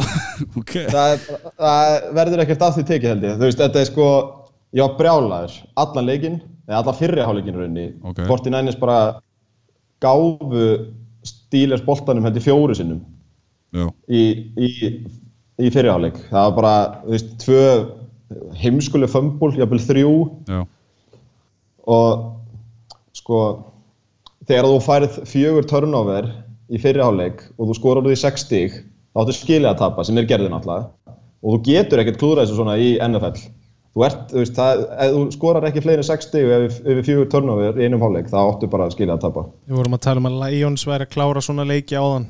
Það er kraftaverk að Steelers hafi ekki gert betur og, og Rudolf hann bara allt og allt og allt og allt og allt og lengi í gang. Hann var ömulegur í byrjun á þessum leik. Djúvill fannst mér hann Já. lélugur hann, svona- hann sko hann, þú veist, mér finnst svona eins og 49 sé vörnin þeirra finnst mér rosalega góð Var, þessi vardanina er alveg frábær hann fekk eða engan tíma og þú veist, það er bara þetta eru svo margi, mörg first round pickarna sem eru loksins að, þú veist, þannig að Bosa og Böcknir geggjaður og D. Ford kemur hérna á, á, í treyti og Armstetti byrjar að stíga upp eftir að vera í vonbriði og það hefur þetta hefur vantið 49ers í halvan áratug, eitthvað pass rush og það er bara komið, já Nick Bosa baby. Nick Bosa. Uh, en ég er samt alltaf að auglýsa eftir því að James Conner make a play. Bara á þessu ári please. Þannig erum við alltaf búin að gera neitt. Já. bara svona til að tala um hitliði líka í þessu leik. En ge- gefum svona til hérna Pace smá peppir að Minka Fitzpatrick spilaði fyrstu leiki sem var með eitt interception. Vel gert til hamingi Minka og, Já, Og fumble. fumble, og Force Fumble já. já, mjög góður. Snake, það er svo þar Já, en James Conner, þetta er alveg rétt sem að Matti segir. Hann hefur ekki verið svipur og sjóni ár. Ekki neitt. Það var bara bullandi sjens fyrir Steelers að taka sigur hana og þeir hefðu bara átt að gera það fyrir mér. Því að Rudolf, hann gerði ekkit í fyrirháleik en hann var fínn í setniháleik, það var allt annað að sjá hann að því að minna, Steelers eigi að vera með eina bestu sóknarlínuna þannig að það er hellingu til í þessu liði.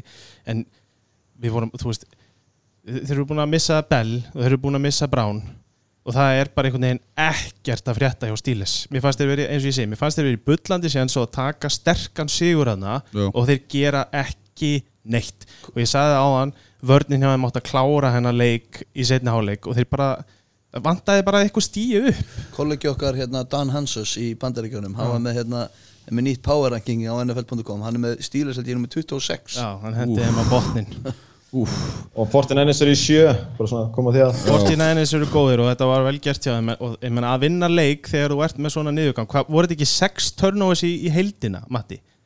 Næ, ég held að þetta hafi verið fimm. Var þetta fimm í heildina? Tvö int og þrjú fömbul, já. Þa, það er jafn stærst að vinna svoleiðis leiki eins og ég var að tala um áðan skilur, þú veist, þetta, er, þetta var ótrúlega vel gert hjá þeim. Og Garoppolo vinnuðinn við höfum nú verið að kýta þeim síðan með hann hann, hann er, hann er ólsegur hann er miklu betri en ég held Já. að hann væri hann, Mér fannst þetta sko bara með betri leiki sem hann hefur spilað hjá þessu liði. Hann var mjög góð hann, var, var lamin í gullas.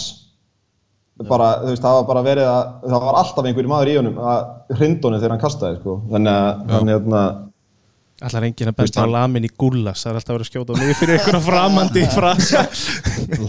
Lamin í ég gullas. bý á Austurlandi maður? Lamin í uh, Nei, veist, hann var bara virkilega flottur statsin munu aldrei bakka hann upp fyrir það sem að horfa bara á stats. Já, og, en hann leit miklu betur út en þessi stats segja bara að sepa á með Stafford í Lions. Mér fannst það líka bara þú veist, Hann var oft undir pressu nær að koma sér undan varnamanninum og svona það, er, það er hellingur í honum og þetta er 49ers, ég sagði það í síðasta þetta þetta er liðin sem að enginn er að fylgjast með.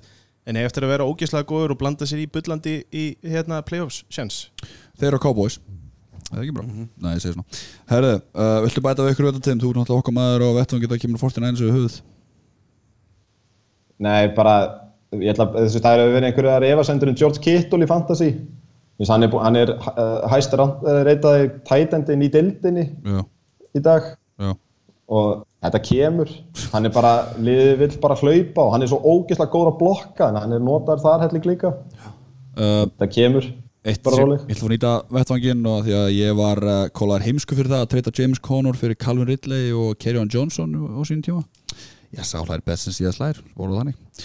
Nó það, og ákamlíðu vel eftir það eftir viku þrjú. Já, eftir viku þrjú. Eftir viku þrjú sko. Herre, það var næsta leikur. Það er uh, leikurinn sem að við Matti spáðum uh, Giants sigri. Tampa Bay Buccaneers, Yes. New York Giants. Daniel Jones er að byrjuð Valur Já, ég horfði á þann leik, þessi hérna, þetta var mjög áhörðu leikur. Uh, Daniel Jones eða Danny Dimes eins og hann er kallaður. Hann hérna átti stórleik fyrir í þetta er svo slæmt nýkni Þetta er hræðilegt. Ég hata þetta nýkni í hérna, stórleiki í sínum fyrsta leik fyrir það sem var að leysa Eli Manning af þó fyrr hefði verið segja margir. Nákvæmlega. Það er sér ekki að hann leysa hann af, bara ykkur leysti Eli af. Og, hérna, og hann endar á 364 jördum total yards fjögur touchdown, það er á tvö rushing touchdown var með tvö fumble líka reyndar vinnum mig, en hérna en hann átti bara stórleik og hérna þau voru átjónstuðum undir í hálfleik en hann kom tilbaka og enda á að skora game winning touchdownið þegar var rúm mínúti eftir og var bara þvílitt klöts og hérna og ég veit að opnaðist bara þetta var eins og Moses að þið opna hafið fyrir framann hann þegar hann hljópa þarna þú veist, að 5 hjarta touchdown eða hvað þetta var eða 10 hjarta, 15 hjarta eða whatever. En hann var klöts Já. hann panikaði ekki, Já. hann henda hann ekki frá sér fór að skrambla eitthvað, bara bombaði sér inn og vann leikin fyrir þá, eða reynda vann hann kannski ekki alveg leikin fyrir þá, en við fyrir kannski betur í, í hérna, þá eftir. Ég ætla bara eitt kóla því ég man eftir vorum að tala um þetta með opnaðast á Moses hafið Mitchell Trubisky hendur svona boltarum út af í þannig stöðu í staðis að hlaupa upp Já, og- nákvæmlega. Nákvæmlega, ég menn á Daniel Jones. Það er eitt Og- vest kalla varnarplay sem ég hef séð Já, ég er sammála því. en halda áfram. Alveg sammála því, en sko hann er valið nummer 6 í draftinu í árið þegar eftir mér. Jú. Jú. Já. Jú. og menn hlógu. Menn hlóaði svo sá maður á undirbúinstímbilinu og ég man að við vorum að tala um þetta í þessum uppbytunar þáttum og þá hugsa maður bara ok, hann er með geggjaða kastreifingu og hann getur hlaupið, það voru mælt einhver, einhver stat, við sagðum svolítið mikið að stat í NFL það voru mælt hérna fjögur hröðustu hlaupin hjá quarterbackum. Ég held að Lamar Jackson átti eitt Kyler Murray átti eitt og Daniel Jones átti tvö af þeim þannig að hann getur hreift sig Já. og hann getur kastað og allt í hennu vaknaði Shepard, þannig að stelnum Shepard hjá þeim uh, Evan Engram hérna náttúrulega er geggjaður og hann fekk þetta og Saquon Barkley meiðist og verður bæðið frá í sex vikur sem er náttúrulega hræðilegt dæmi. Blóðtaka. algjör blóðtaka og hræðilegt en samt stýra hann til sigurs og bara þvílíkt hetju moment Mér finnst að segja mikið bara því að Barkley var átt og jújú jú, Bucks vörðin er ekki góð og allt það bla bla bla. Þeir eru með Endomingo Su og eitthvað alltaf með playmaker og, og Barrett sem er núna held ég Sack Leader í ár. Heyrðu, ég ætla að nefna hann um Já, það bara, já, höldum, tökum það bara til Já, þá. já. En, já, Shaquille Barrett, já. Um, Þrátt fyrir það, þá eins og það á Daniel Jones bara monsterleik monsterleik. Algjör, og það var ótrúlega gaman að horfa á hann og fylgjast með honum og ég er svo innilega komin á vagnin þangur til eftir að hatta hann eftir tvö ár þegar Giants verður komið í gott lið en bara ótrúlega skemmtilegt að horfa á hann sko. en svo náttúrulega ef maður talar um þennan leik þá náttúrulega Mike Evans átti stórleik eða í fyrirháleik og hérna og Kalli, þú nefndi á um daginn að Giants hafði enga til að dekka vætri, að dekka hann eða vætri síveruna og hvað heitir hann aftur vinnun sem var að dekka hann? Janoris Jenkins Já, Janoris Jack, Jenkins hann það hann átti bara ekki breyk, þetta var vandræðilegt. Og hann endaði með 146 hjarta og held ég bara 40 hjarta í setnáleik eða eitthvað og þrjú touchdown í fyrirháleik Nei, hann var með 146 hjarta í fyrirháleik endaði með 190 hjarta Sturlað. Þetta var bara, þetta var bara klikka sko. En, sko, ég hef alltaf sagt það í NFL eina sem maður veit í NFL er að maður veit ekki raskat. Já og Patriots vinna reyndar. en hérna, það eina sem maður veit er að maður veit ekki raskat. En það er eitthvað svona reg óskrifu regla í NFL að léle lið finna leið til að tapa leikjum. Já. Búin að vera góð í 59 myndur en ná einhvern veginn að tapa leikjum í lokin. Skilju hvert ég að fara? Já. og ég hugsaði bara þegar að hérna, Daniel Jones var búin að hlaupa þetta 1.17 eftir þá hugsaði ég bara ok, geðveitt, þvílitt moment og svona. Hvað gerist? Þeir fara upp Tampa Bay og James Winston, bæði vei, sjátt á hann hann er frábæranleik, eða var bara flottur hann á fyrstu sendingunni setnáleik á Mike Evans, þeir fara upp og enda á því að fara að taka en 29 hjarta fylgól hann að Bruce Arians, þjálfari Tampa Bay ákveður að taka viljandi til lay of game viti þannig að þetta fyrir 34 hjarta fylgól og hann sagði að það myndi hjálpa hérna við okkar honum Gay, hvað heitir hann, hann heitir hérna hann heitir uh, hann heitir uh, Matt Gay. Kicker. rookie kicker hjá Tampa. Þannig að hann endar í 34 hjarta fylgóli og ég hugsaði, já, Giants liðarslið er finna leið til að tapa. En ég fatt ekki að Tampa Bay er líka liðarslið og þeir fundu leið til að tapa. Og hann klikkar á 34 þetta fílgóli því líki leikurinn. Og, var, og þeir enda því að vinna þetta með einu stíði 32-31 Þetta er alveg ævintýranlega ömurlegt tap hjá Tampa Bay. Umurlegt Þeir eru að rústa þessum leik í hálfleik. Alveg Já. bara rúlla yfir Giants og við höfum rætt þetta á þetta er lélegasta vörð bara held ég deildarinnar fyrir utan Dolphins. og þetta er bara þetta var kraftaverk hvernig Giants vinnur þetta og þetta fílgóli í lokin. Þetta var bara svona chip rúsinan í pilsuendanum að tap, veist, fyrir líka Giants að vinna svona þú veist, þetta var geðvikt en, hérna, en, en eins og, eins og Biggie nefndi Shaquille, Sh- Shaquille, bara rétt hann var með fjögur sökk í leiknum og hann er komið með átta á tímabilinu en það er gaman að segja fyrir því að hann var varamaður Bradley Chubb hjá Denver þannig Ó. að yfir fyrra. Hann Áhugavert. kom, til, hann kom frá Denver núna fyrir tímbil Hann var með þrjú í leiknum móti Panthers. Já. Þá fyrst, þá fyrst tók maður eftir hún Einmitt, þannig að hann er komið með átta sökk í fyrstu þremur leikjum Það er styrlað ég, ég ætla að velja Mike Evans túli leikmann vikunar hjá mér. Það svo Já, við erum búin að, menn eru búin að vera að láta hann heyra það og ég, eins og ég segi, hann ætlar að spila á móti engum. Ef að, ef að, ef að hérna, Biggie getur verið tight end hjá Packers og getur hann verið cornerback hjá Giants. Hvað ég er viðmiðið á hérna Já, einmitt okay. uh, Er eitthvað sem að bæta við Giant fyrir það að Daniel Jones er monsterleik? Og kannski og Barkley Já, já, já, Þetta er risa dæmi já, sko. já, ég veit að 6-8 vikur. Bara fyrir, bara fyrir skemmtanagildi deildarinnar og þá er þetta högg. Hann er samt í Giant sko. Já en ég meina ef, að, ef að þau voru með Barkley og Daniel Jones maður myndi fara að horfa á Giants ekki já, já. Slökka Já, þeir eru í vörð Nei, einmitt ekki. En hver, hver kemur inn þá fyrir hérna, fyrir Barkley, veitu það? Wayne Gallman er backupinn en þeir hafa verið að, þú veist, allir CJ Anderson mæti ekki að það Eitt af lókum kannski. Þannig að James Winston var með 380 hjarta, 3 touchdown og 1 interception og það er greinlegt að það tók 5 ár en það er búið að segja honum, heyrðu taktu frekar sakkið í staðin fyrir að hendunum upp í lofti þegar menn eru komnið til þinn og það verður interceptið þetta var, í, þetta var svo greinlegt í þessum leik. Ég skora á, ef þið dettið nú leik sem gerur ekki setna en þú veist, að tjekka því að það er ofta sem að bara svona, ok, þarna hefði Winston hent bara fyrir tveimu vikum Já, Hörru, þá er uh, búið að kofara þennan leik þá færu okkur yfir í uh, Saints at Seahawks. Matti?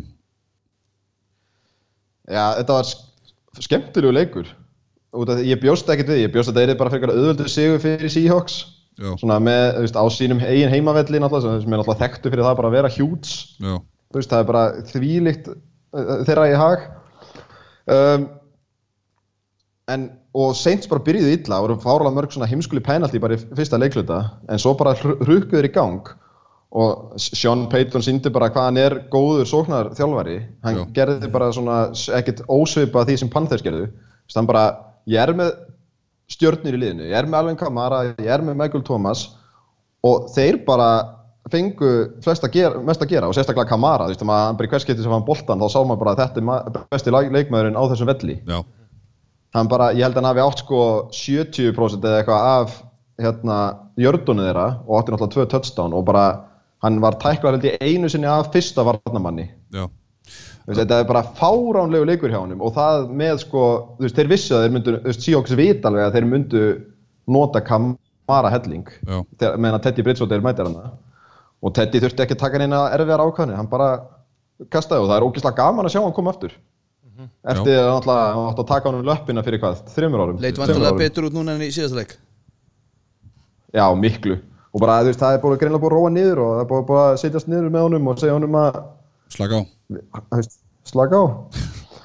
Og, og vörnin er líka góð. Þetta er svona pínu svona, þú veist, þetta er ekki alveg pakkesvörnin en Brís hefur náttúrulega alltaf þurft að rífa þetta lið svolítið áfram. Og vörnin lukkar, finnst mér. Þú veist, það maður sá það bara í byrjun. Og, og þeir Seahawks gerðu eða ekki neitt í þrjá leikluta og svo náttúrulega bara kemur Russell Wilson og gera það sem hann gerir eiginlega best og rekkur svoleiðis í gang í fjórða leikluta Já. og bara fullt að gera og byrst bara og lukkaði bara mjög vel. Mér finnst ráð fyrir 27 myndi ekki vera svona úslitin til að byrja með Eftir, það myndi ekki enda þannig. Mér finnst að það væri burst hjá Saints á tímbili Svo allir eins og Russell Wilson sökk svo bara í gang. Uh, Chris Carson alltaf átti það til að renna það ekki? Já, hann hérna, ég held að hann hafi runnið þrísvar andlitið í fyrirháleik og svo, og svo fömblan og ég veit ekki, veist, hann er svolítið fömbul maður, sko, veist, hefur svolítið þetta, þennan vírus. Hann hefur komið þrjú fömbul í þremmu leikjum og þetta lið vill hlaupa helling og þegar treystir greinilega ekki hérna penny til að vera starterinn og Kassan þarf bara að girða sig ef þetta lið, þú veist, ef núna ef að 49ers ætla að fara að halda áfram svona og svo Rams er náttúrulega líka. Já, þá þarf Carson að gera eitthvað því að þetta Seahawks lið, þessi Seahawks sókn er ekkert rosalega góð, þetta er Lockett og Wilson og svo Metcalf eiginlega ekki neitt. Af og til. TK Metcalf er nú koma okkur til Já, með, já, jú, jú, hann kemur hann af og til sko, en Já. hann er náttúrulega rúkki, það er erfitt að geta treyst á því að hann sé allar vikur frábær. Já, er eitthvað, þú veist, ég þegar ykkur segja, mér fannst þetta ekkert spennandi leikur fyrir mér finnst þetta ekkert spennandi leikur eftir á ekki, Teddy Bridgewater voru að starta, Breeze og ekki starta Ég Nei, er ég- eiginlega bara búin að gefast upp á Seahawks. Ég held þeir eigi bara ekki sjans í þessum liðli finnst þeir eiginlega bara liðlega lið og ég, við vorum eitthvað að tala ég var allavega að tala um það fyrir, fyrir tímabili ég hefði áhyggjur af þeim og ég, við sýnist ég bara að vera á sama stað eitthvað Það má reynda bæta einu við að hérna Pete Carroll fekk fótbolta í nefið á sér fyrir Jesus. leik og var með sauma. Það var svo- það var frekar fyndið. En hérna já, þetta er áverð en Saints til alls líka er það. Já, þú veist, þeir eru náttúrulega ekki með Steelers með leik, uh, brís út allan tíman þannig að þeir, veist, þetta lúkkar mjög vel fyrir þá ef þeir vinna þrjá af þessum sex leiki sem hann er frá. Og náttúrulega Teddy Bridgewater er sjóaður þannig að það getur vel verið að hann gera eitthvað hana hann er alltaf ekki Breeze en hann getur haldið svo allan gangandi. Þið feng, þið fengu allavega ekki óskikar að sjá meira af Taysom Hill. Ég held að hann hafi bara aldrei spilað að blítið Men menn voru samt að tala um að þeir verða að halda honum heilum núna. Þess vegna er hann ekki að spila þessar iffi stöður. Af því ef að Bristóttur fer þá er hann bara næstur inn. Það er endur alveg rétt. Herðu, þá færum okkur þessu yfir í uh, já, fyrstur um byrjun og lestir þá er best að nefna Bills lestina það er Bengals at Bills. Bills 21 Bengals 17 3-0 Bills. Heldur betur. Og ég bara, þetta byrjaði 14-0 hjá Bills og ég lítu alveg ríkalega vel út í byrjun. Svo einhvern veginn missaði dampin og Bengals kemur tilbaka jafnar og, og en, hérna, en Bills klára hana leik. Bara helviti vel í lokin sko. Svona mitt take úr þessu er við vorum að auðlýsa og ég, yfirferðin okkar eftir því að Josh Allen myndi stíga aðeins bara næsta skref og hann hefur gert það hann er bara mikið, mikið, mikið nákvæmari og það hjálpa náttúrulega, hann er bara með mark, markvælt betri vopn heldur en hann var með í fyrra Já. og hann er annan, við vorum að tala um það síðast líka í síðasta þætti að það er átta leikmenn greipi frá hann bolta, það er aftur þannig núna Já. og hann er bara ásaki, hann er að kasta fyrir 250 jördum og hlaupa fyrir 50 dual threat allan daginn. Þú veist, Frank Gore er ennþá að gera nóg fyrir þá og, og Singletary er meittur og er ekki í þessum leik. Þeir klára bara Bengals og Bengals því miður er bara lélætt lið. Og það, þá sárvandar AJ Green og, og hérna, ég held að sé bara ljóst að þeir verði í tómum vandræðum á þessu tímabili. Og var ekkert skeppnur hlaup frá Joe Mixon í þessum leika Það var ekkert skeppnur hlaup frá Joe Mixon, hann tankaði engan. Nei, hann, hann var samt betri í þessu leik en hann var í síðustu viku. Guð mig góður, sko. En samt hérna Knox, hérna ekki tætindin í á Jú. Bills Hann átti eitthvað Fyrir ekki, hann átti skeppnurlaup Skeppnur hlaup, hann var bara mjög fítn og það er fullt af svona miðlungs hérna, leikmennu sem geta gripið frá allin og það er bara svo mikilvægt að þetta var rusl í fyrra. Já, Ég hef stórfældar ágjör að Bengals þá eins og ég segi, þá, þá vantar AJ Green það vantar bara betri leikmenn sóknarlínan hjá þeim er léleg, vörnin er ekki nógu góð. Uh, hins vegar uh, bara svona, eh, ég ætla ekki að segja neitt mikið meira um en að leik, Bills voru bara fínir og þeir eru að fara að lenda núna í alvöru leik þegar þeir fá Patriots í næstu umferð og ég sjáum þá hvað er actually til í þessu liði. Hefur þú trúðan? Er þetta ekki heima á þetta bil? Ég hef, ég hef mega trú á Bills og, og svona, ég, bara, ég var að fara yfir sko schedule hjá þeim bara til fram, svona áfram. Af því að það er haugur að leikjum hjá þeim sem eru bara bullandi sigur sjensi, bara vorum, ég var að, aftur að tala um það fyrir tímabili að byrjunin á tímabilinu skiptir mestu máli, þeir eru að Patriots næst svo er það Titans, Dolphins, Eagles eru erfiður, svo er það Redskins, Browns Dolphins, Broncos svo kemur erfiða, erfiða planu og þeir verða bara að halda áfram og hérna vörnin hjá þeim er geðveik. Já, hún er ein af bestu vörnunum. Ef að, að pakkasvörnin er góð þá er hérna bilsvörnin eins og allra, allra besta í þessari tilt já, bara lestin heldur áfram. Ég finna við erum búin að kóla þess lest since day one og hún bara heldur áfram að rúlla Það er bara Algjörlega. snippul, það er allir velkonur um borð. All aboard. Það er bara vöndun á gæðum hjá Bengals. Já, þú veist, Dalton getur ekki verið hana, Dalton er ekki nógu góður til að vera að stýra þessu skipi. Þetta er bara ræðilegt og, og Mixon er ekki með eitt einasta play yfir tíu hjarta á þessu tíðanbili þetta er bara pff, en samt er hérna Dalton með næst Hann átti, hann átti alveg 30 hjarta catch eða eitthvað til að gefa skeppninni smá séns. Já, já hann var betri hérna núna en í síðasta. Andy Dalton með næst flesta passing yards eftir Patrick Mahomes. Já. um, eins og ég segi, þá sáru vantar AJ Green. Já. Færum okkur frá þessu og förum í Rams Browns.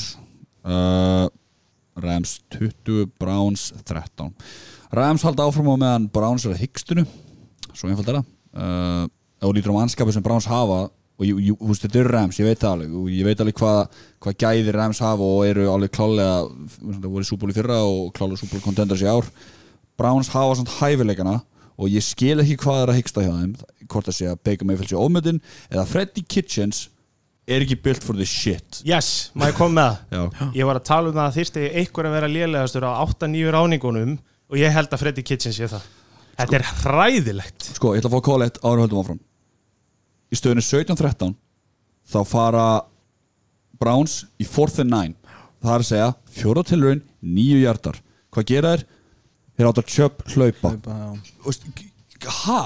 Þetta er ótrúlega Og lélegt það var eitthvað helvítis eitthvað blöðrun. Það var eitthvað statistik eitthvað sem þetta voru aldrei gert áður. Nei. Nei, ég er bara Eðlilega, hann hafði tveim þetta hjörtum meikar ekkert sens hann hafði tveim hjörtum Já, fjórum mjörðum Það er líka fullt af kenningum á baku þetta play. Og hver er það kenning? er, sko, það, það, það er sko kenningin að Kitchens hafi ekki fatt að hann væri á forð. Að hann væri á þörd og væri að reyna að gera pöntið auðvöldara Já, vei Þa, það er ein kenning sem að væri sko vonandi verður við vitum aldrei hvort það sé satt eða ekki. Svo, svo hérna er kenning hvort að, að Mayfield hafi sagt audibleat eða ákveðið það sjálfur í höllunina að breyta playinu sem var kóla þetta er sko Kitchen er af samt búin að taka Hann er samt búin að segja að hann tók þetta sjálfur Hvort sem það er rétt eða ekki. Já, það, það er náttúrulega Ekkert að kaupa Þjálfarinn segir það náttúrulega alltaf.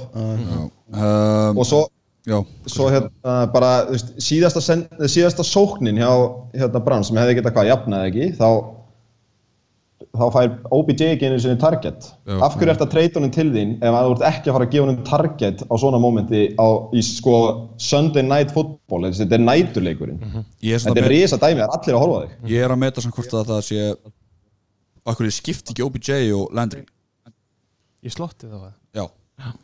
Uh, úst, mér, Ég er bara fór að meta hvort það sé málega Því þú veist Landry er meira deep meðan OBJ er að koma meira í slandi skilja okkur skiptaði mikið Æ, ok, uh, þetta er bara Mayfield bara sér ekki slantið Þannig að um, En sko, ég, mér finnst þér svolítið dána á Ramsvagnin sko. ég, Mér finnst Rams líta bara ágætt og ég veit er ekkert, ekkert alveg Ég að ætlaði akkurat að koma inn á statsana sí- Já, synga í hérna sókninni en Já. Vörðin geggjum, mér finnst bara mér finnst, Rams bara lítið ógeðslega vel Þeir líti ógæslega vel út, fáranlega Og Erik Vídól hérna, sem kom frá hérna Baltimore Ravens. Hann var klála mixið sem þurfti og Clay Matthews líti líka mjög vel út. Já, Já, ég er sko, eiginlega eini maður sem að ég svona set smá spurningaverki hjá Rams er eiginlega bara Goff. Hann, hann er ógeðslega 50-50 því að hinnir eru allir flottir en svo kom einhverja sendingar sem að make up ekkert sens fyrir þessa sók 38 tölunir, 24 hefnaði fyrir 269 hjarta, 2 touchdown, 2 interception. Og ef þið pæ- pæla eins í bara sóknin í fyrra og Gurley og, og síðustu tímumbil og svona ég held að ég, ég las stats á þann að ekkert lið hefur kastað jafn sjaldan á runningbækina sín og Rams. Þess að prósenta af kasttilurunum á runningbæka er leggst hjá Rams og mér finnst það bara mjög skrítið. Út af því að það eru sko boltar sem þú getur sett í svæði og látið, þú veist, ef, þetta, ef Gurley er Gurley þá á hann að geta gert helling úr þessum svæðum Já Brandon Cooks og Cooper Cup báði með 100 hjarta leiki uh, Höfum við áhyggjur á Browns? Já Er Ég- það? eh, veist, Ég held bara að hæpa hafa verið svo mikið maður var að búast því svo miklu frá þeim Ég, meni, ég spáði að þeir myndu vinna Nei, hver, þú spáði Tim að þeir myndu vinna Það var já. Mitt, Ég- Ég heldur bara getur verið eitthvað starfið millir 7 og 8 sigur ef þetta heldur svona áfram. Ég er ekki að grínast. Sorry. Uh, Begum með með 50% completion var rétt innleik, Mhm. 1836 Ég hrifin að Nick Chubb. Þeir eru næst, eh, næstu tvei leikir á Browns og við klárum þetta út á múti Ravens, út á múti Niners. Er snar batnar á bíla. Uh, Síðasta leikurinn á þessu var Texans Chargers. Á sunnudeginum, já. Já, sundarinn uh, Texans 27, Chargers 20 Chargers er að hyggsta ennþá Já, já, það vantar hellingi í þetta tjatsinslið Mér finnst aðeins bara vantar pungi á í Já. alvegni Já. Ég hérna það er fín, þetta er bara sama sagan það eru fínir leikmenn aðna þú veist, Allen, hérna, Kínan Allen er geggjaður hann er ógislega góður, vannmetinga í uh, hlaupaleikurinn hjá þeim er góður bæði Jackson og, og hérna Egler eru báðir hrikalega góðir þeir bara uh, bara Kínan í alveg eini maðurinn sem að hann hendir á hann, Já. hann. Ravens. þú veist, þetta er bara Sko við svona erum að, ple, þú veist Við- ég ætlaði bara að hæpa minn mann allen aðeins meira. Hann er sko með flest catches í deildinni, flesta receiving yards og hann er með flest receiving first down og með flest catches sem eru 20 yardar eða meira af öllum leikmönnum. Já. Bara, þú veist, þetta er fáralega underrated, þú veist, það er enginn að tala um þetta. Hann var með 183 hjarta 2 touchdowns leik 13 grunni boltar Já, ég meina, þú veist, en, en sagan í þessum leik er Deshaun Watson Já. sem er minn, minn túluleikmaður umfyrirnar ekki þó við séum mikið að spáði en hann er minn túluleikmaður Já, umfyrirnar yes. en hérna, þú veist, hann þeir eru að skítapa þessu leiki háleik, er það ekki rétt munið að mér að er í röglinni? uh, Nei, ég held að það sé rétt þér. Þeir- Það þeir var komu þarna 17-7 í- undir háleik, já. en hérna, en hann bara virkar legit, sko og það, menn er að tala um að hann sé sakkaði mikið og svona, en svo heyrði ég ágættis kennung í dag, held ég frá Craig Rosenthal í mannleikjölu hverjum, að hann lítur best út þegar hann er að skrambla frá sakki og koma sér í ykkur stöðu þar sem hann þarf að henda Já, eitthvað já, já. í hinn áttina þegar hann hlaupi aðra og svona. Bara beita svo öðruvísi basically. hann er bara, það er ótrúlega gaman að horfa á hann og svo er ekkert skemmtilega sem heim en að horfa á Divanti Nætti Andrew Hopkins spila en svo bara spurning hversu lengi þessum Watson meikar þetta hann fór svo högg á sig? Já, hann hættir eftir tímblið það er bold prediction í búðum mín þá þú glemdi því. Uh, sko ég, ég held að eina sem beði þetta að segja er henni bara Keenan Allen. Uh, jú, Östan Eckler með einhverja rúmlega hvað, 80 scrimmage 71 yards. já, 80 scrimmage yards cirka. Um, Austin Eckler er Þú veist, er, eitthvað, eitthvað, hann að fara að vinna deildir í fantasy, myndi að segja það? Ég, pff, Nei, nei, Ég hann er bara góður í fantasíliðinu. Ég, ég, Ég ekki. Já, ég held að það sé mjög solid start en um leið og Gordon kemur aftur þá ættu, þú veist, þá munur hérna, Chargers örugglega að vilja hlaupa honum alveg helling þannig að hann gæti svona verið gæði sem að þú vilt selja þegar hann á tvo góða leiki viðbútt Já, Já, já. og feng, fá eitthvað svona meira solid Selja hátt, ba Barkley eða eitthvað. Selja hátt uh, fara ekki barkli fyrir Eckler ok. hérna Melvin Gordon alltaf verður óbygglega nýttur sem uh, bell cow þegar hann kemur tilbaka. Bara til að klára. Ég skil ekki hvernig þetta virkar. Er, er, er bara Melvin Gordon að fara að mæta þarna? Án Hann þess að- verður að mæta, Ég, ég, ég fyrst- gerum grein fyrir því, en hann er ekkert aðeins með liðinu. Og er þið bara að fara að nota hann eins og hann hafa alltaf verið þarna? Er það bara high five á ganginum og bara, heyrðu, svo ert þú bara nummer eitt og ekki fyrir aftur fyrir aftan þig? Það er ekki Já, bara ég held sko, leikmærinir dæma hann ekki Nei, það, ég held að það er alltaf þannig, þeir eru alltaf glæðir að fá hann og skilja alltaf eitthvað svona peninga rivildi milli leikmann og liða. Það gæti, ég, og ef að Ekkel er sko þú veist, auðvitað, hann, Gordon nei, búið að vera einna betri runningbækjum til vildarinnar síðustu ár, svona þannig. Já, og, ég, veist, og ef þeir eru í vandræðum þá hendur hann minn á bók já, já, já, en, þú veist, þarf ekki að æfa með lið? Já, Hann verður náttúrulega bara að fara að hætta þessu bull. Já klálega, klálega Rivers sakka 5 sunum greiði kallinn Færum okkur á því. Uh, Þá er það leikurinn sem allir byggðu eftir einmitt uh, Bears Redskins. Bears 31 Redskins 15 Við erum með nokkar spurningar út í þetta. Út í uh, okkar mann uh, Trú Biski helst. Af Twitternum? Já. Uh, Fyrsta lagi er Trú Biski nýji Blake Bortles Þetta er uppáhald spurningi mín í lífin Já, þetta er- Getið Geti Steindor spurði þessu? Mér finnst þetta góð spurning, ég kannski fyrir aðeins betur eftir það, þegar við langar aðeins tala um leikin fyrst og svo detti inn í þetta. Já, ég bara vildi koma þessu Já, inn já, já, já. að fólk vita að við erum að fara að taka eins og ég segi, þetta er Bears Redskins og það er í raun lítið að tala um þetta þannig séð. Já. ég meina vörðin hjá Bears er bara next level dæmi hérna sko. Þetta er að mínum að í deildinni. Lang besta vörðin í deildinni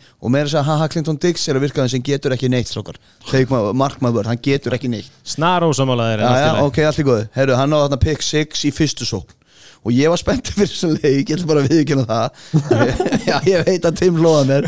En hérna, þú veist, þetta er ennum sér norð leikur og ég er náttúrulega að vona að Bears tapi og svona. Svo ok, pöntaður á fyrsta þarna, Bears byrjar svo bara næsta pick 6, ég búin að það frábært. Svo er sakkað.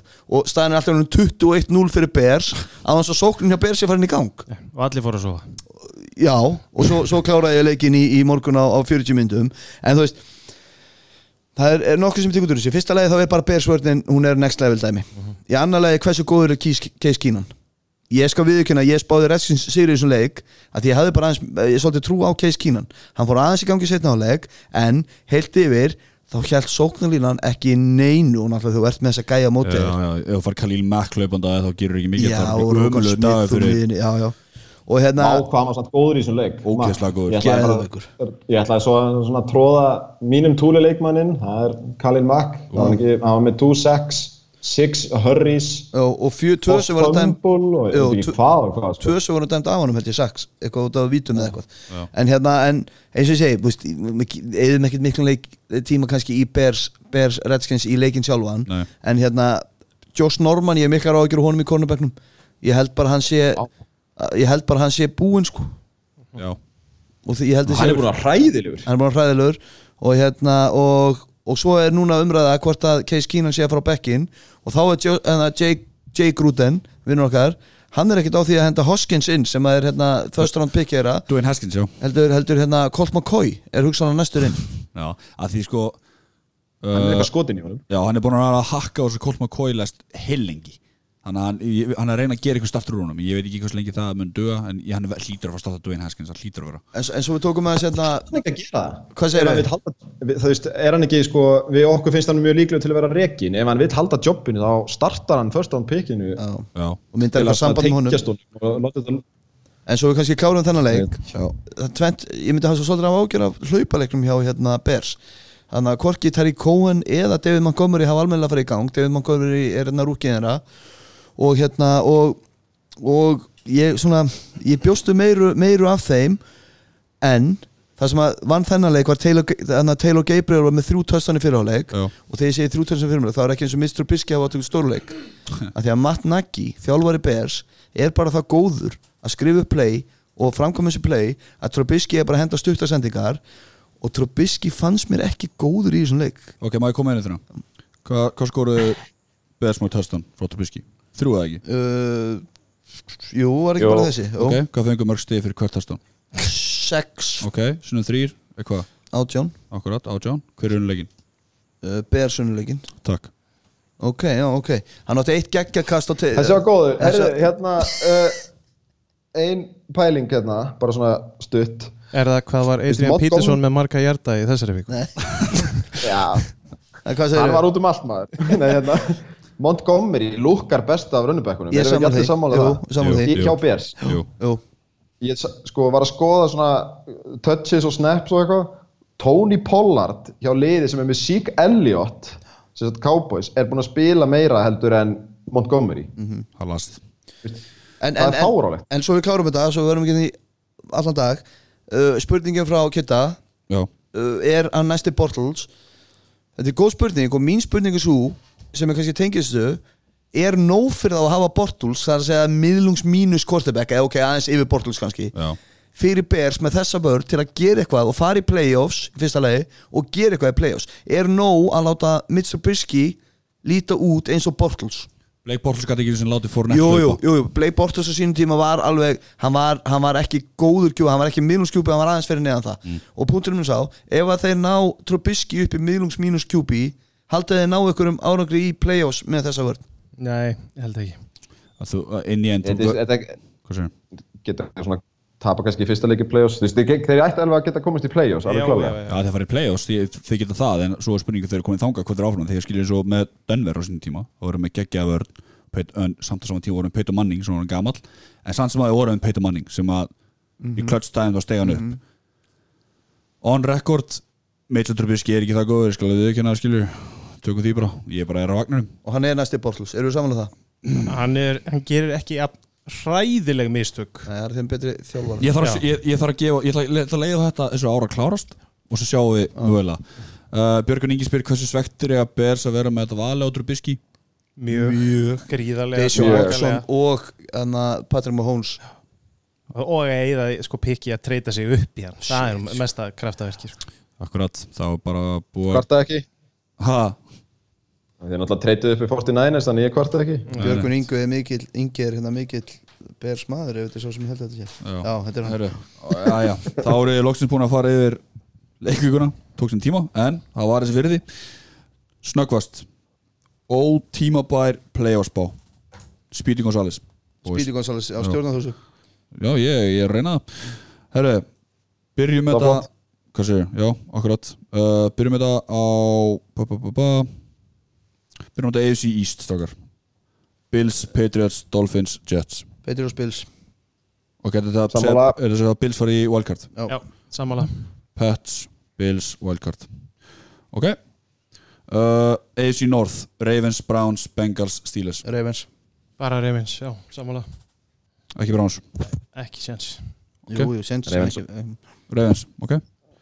Uh, AFC South Colts, Texans, Jaguars, Titans. Texans Colts Wildcard eða? Ó, Já. það er það að þá erum við að taka út Chargers. Chargers. Já, Ok, ok, ég ætla Ég- held ég sé Já, sammála ég er, eiginlega, ég er svona leiðilega sammála þessu. Já. Mér langar ótuggeðslega mikið að fá Chargers í play-offs.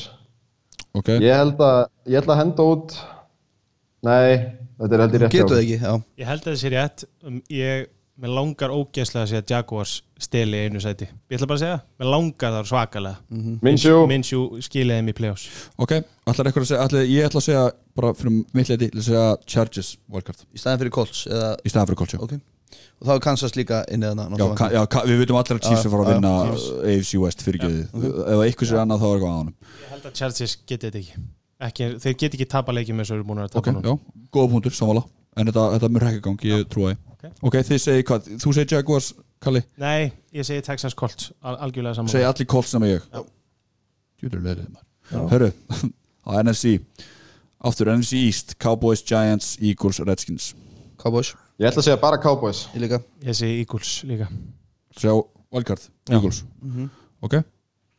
Uh, Næsta er það NFC North Lions, Packers, Bears, Vikings. Ég ætla að segja Packers og Bears. Ég sammála því Packers Vikings. Packers, Vikings. Já, ok. Það er svona þess Packers. Bara Packers. Mm. Ú, við erum allir út að þekju Það. Það er sem spes. Vá ég er ah, með já, ég veit hvað þetta að hugsa. Já. Já, já, ég, ég veit líka hvað hann hugsa. Uh, NFC South Saints, Falcons, Panthers, Bucks. Saints. Ógislega Saints. erfiður í Þetta er ógæslega rauð. Ég ætla að segja Panthers. Ha, Já. ég, Með Kyle Allen. Ok, ég held að Saints Ég er seldur það er náttúrulega verður lið að fara úr sem riðlið því miður þannig að ég segi Saints líka. Æ, veistu, nei, ég ætla að baka Brís er að koma aftur sko. Brís kemur aftur og þeir eru með hörku já, vörn já, já, ég er bara ágjör af næstu leikjum hjá hann, þú Drulla veist. mói að þið verið búinir að klúra þess að það verður eitthvað að vinna hann riðið Þetta er allt seifað. Trú ekki áttu stundabrjála ég sem ég sagði Panthers. Slaka þá Herðu, NFC West. Við segjum allir Þá tek ég hérna, ég segi Rams, 49ers og Seahawks. Ég segi Rams og Seahawks. Ha, ok ætlið að senda Seahawks í playoffs? Það er áhugavert það er eitthvað, ég ætla að segja Rams. Það vantar eitt lið það ekki? Nei, með tvö. Já, vantar, þú með, þú með Já, með Cowboys Eagles já. Já, mér vantar líka eitt valkarlið Ég ætla að segja Saints, Panthers. Er ég svo eini með 49ers í ég play-offs? elska Já. svo djarft dæmi sko. Ég er ekki alveg að kaupa þessa leikja mútið Steelers, Bengals og Tampa Bay Sorry, ég, Ég, ég verð að sjá meira. ég ætla að setja á með Jaguars. Mér langar til að sjá það að fara. Ég held þeir séu það góður En ég held þeir komist ekki Alright, þannig að Það var spáin. það var bara spáin fyrir næsta leik. Það var bara Já, það, það var skemmtilega síðast, við höldum því áfram. Uh, Fyrsta leikur. Já, best, best að nefna. Bye week. Eru 49ers og Jets. Þeir eru í, í frí þessa vikuna. Því miður tim. Og eru bara að taka því Fyrsta leikur á fimmdeginum það er eh, Green Bay Packers frá Philadelphia Eagles í heimsókn.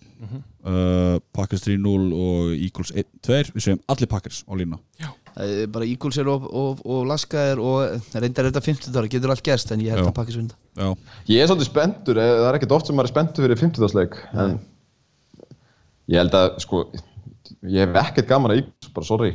Nei. Ég vil fá pakkis í þetta. Alright Takk ég já, ætla, ég ætla bara að vera með sláandi fréttir í beinni útsendingu hérna. Ég ætla að breyta þessu. Í Eagles? Já. Er ekki Alsjón að fara að vera með? Jú, bara Jeffrey, ekki Jason Jackson. Ég held Já, að Eagles leik. X-faktorinn, sjálfur. Já, ég menn og Jerry Alexander cover hann, eða? Alltaf? Það er Herri. ég veist Hvað er þetta? Ok, yfir á sundaginn.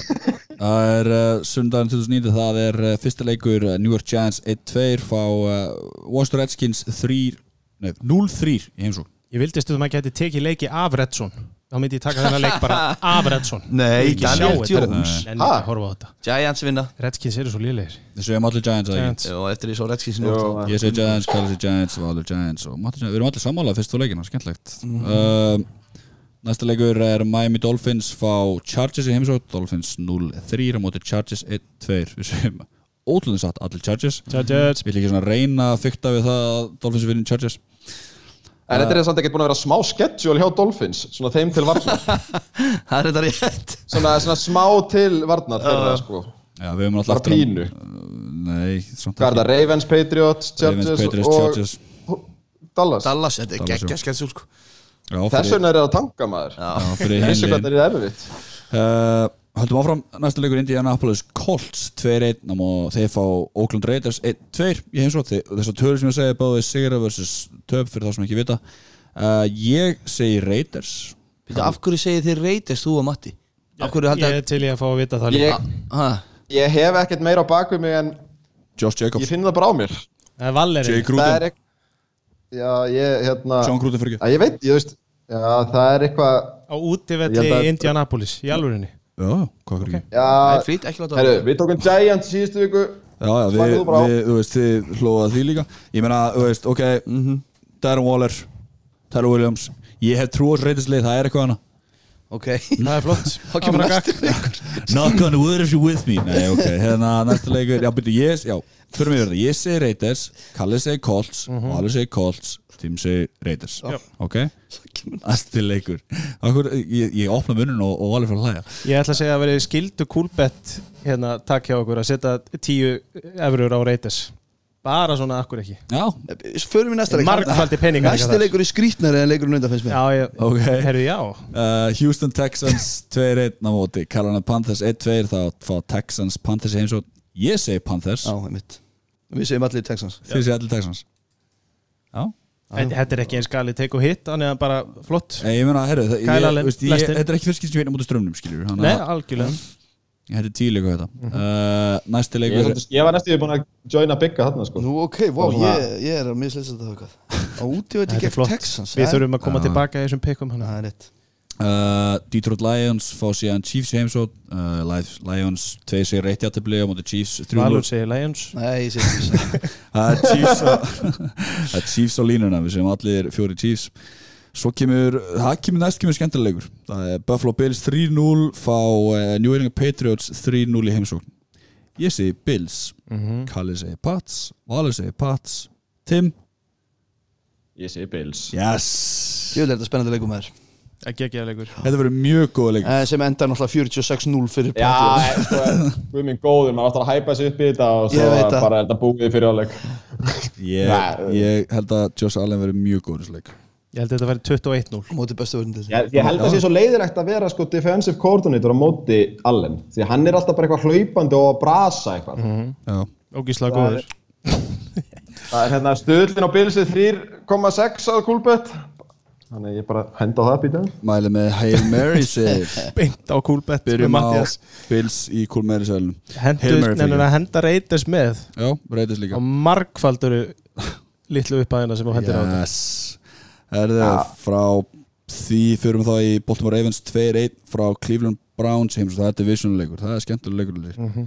uh, Við segjum allir Ravens nema Tim, öllir í sjokki þar Tim, Já, ég er að held áfram á mínum bránsvakkenni. Yes. Þetta er- þetta verður alltaf, það verður alltaf færri og færri hérna með mér en ég veit að ef ég stend upp úr honum þá, hver, þá hérna fyrir hann á stað. Ég ætla ekki að vera skilin eftir. Ok, þú ert aðleitn á þessum bóti Við segjum Þannig að allir ég er Ravens nema Matti.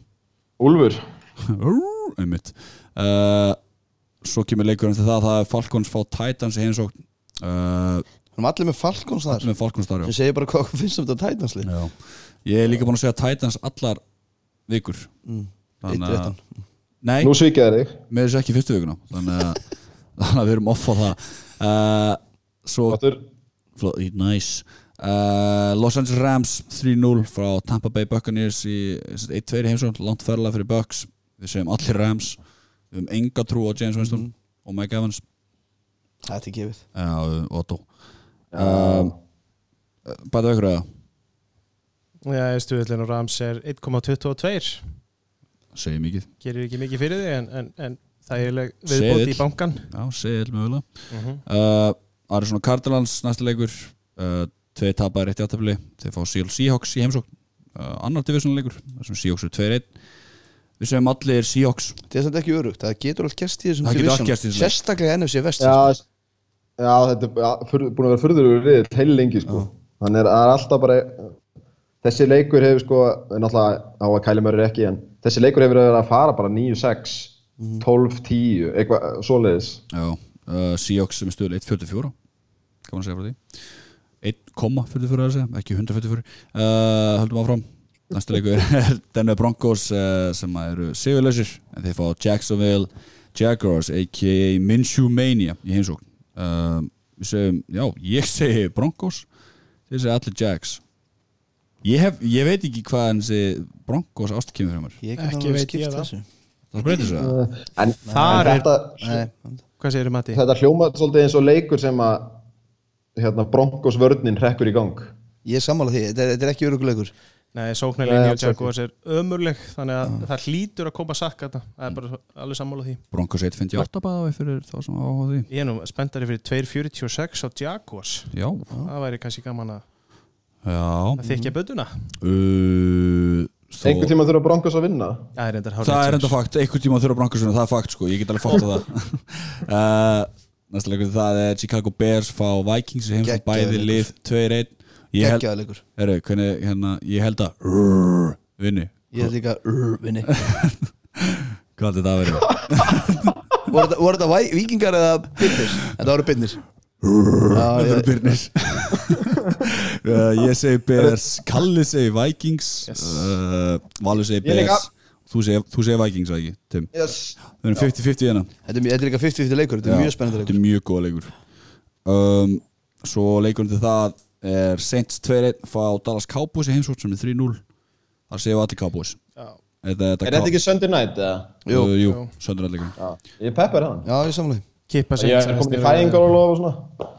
Engin vinna. Svo sniðu þetta, þetta, þetta er vel tíma sett fæðingarlof já, takk. Ég, og svo er ég líka í desember play og eitthvað. Það Stöðun 1-72 á Dallas Cowboys. Þannig að það er ekkert svo vitlist að henda hérna. Hvað segirðu? Einn- Stöðun 1-72 á á Saints? á Cowboys Cowboys 2.18 og Saints. Þannig að það er alveg hægt að mixa eitthvað hérna já, sko. vá hvað þetta er jafnt. Já, mjög. Henda Seahawks og, og hérna Seahawks, Cowboys og hvað lið líka aftur? 1-2 Rams. Rams, já. Saman að segja, það áttu með heldur skemmtlan stuður Mhm. Það er en ef þú setur sko Dallas á mínus 2,5 í, í á, hérna, hvað heitir þetta, forgjöfuna Já, þetta er komin upp í 1,92 þú veist. já, Eh, já og tristi Cowboys. Í, í ég held að það gæti alveg orðið jafn leikur og þessi forgjöf er alveg sexy. Já, Cowboys spila líka innan þeirra En alltaf MVP-in er að spila hana leik þannig að hann hlýtur að skila þessi í hús, eða ekki?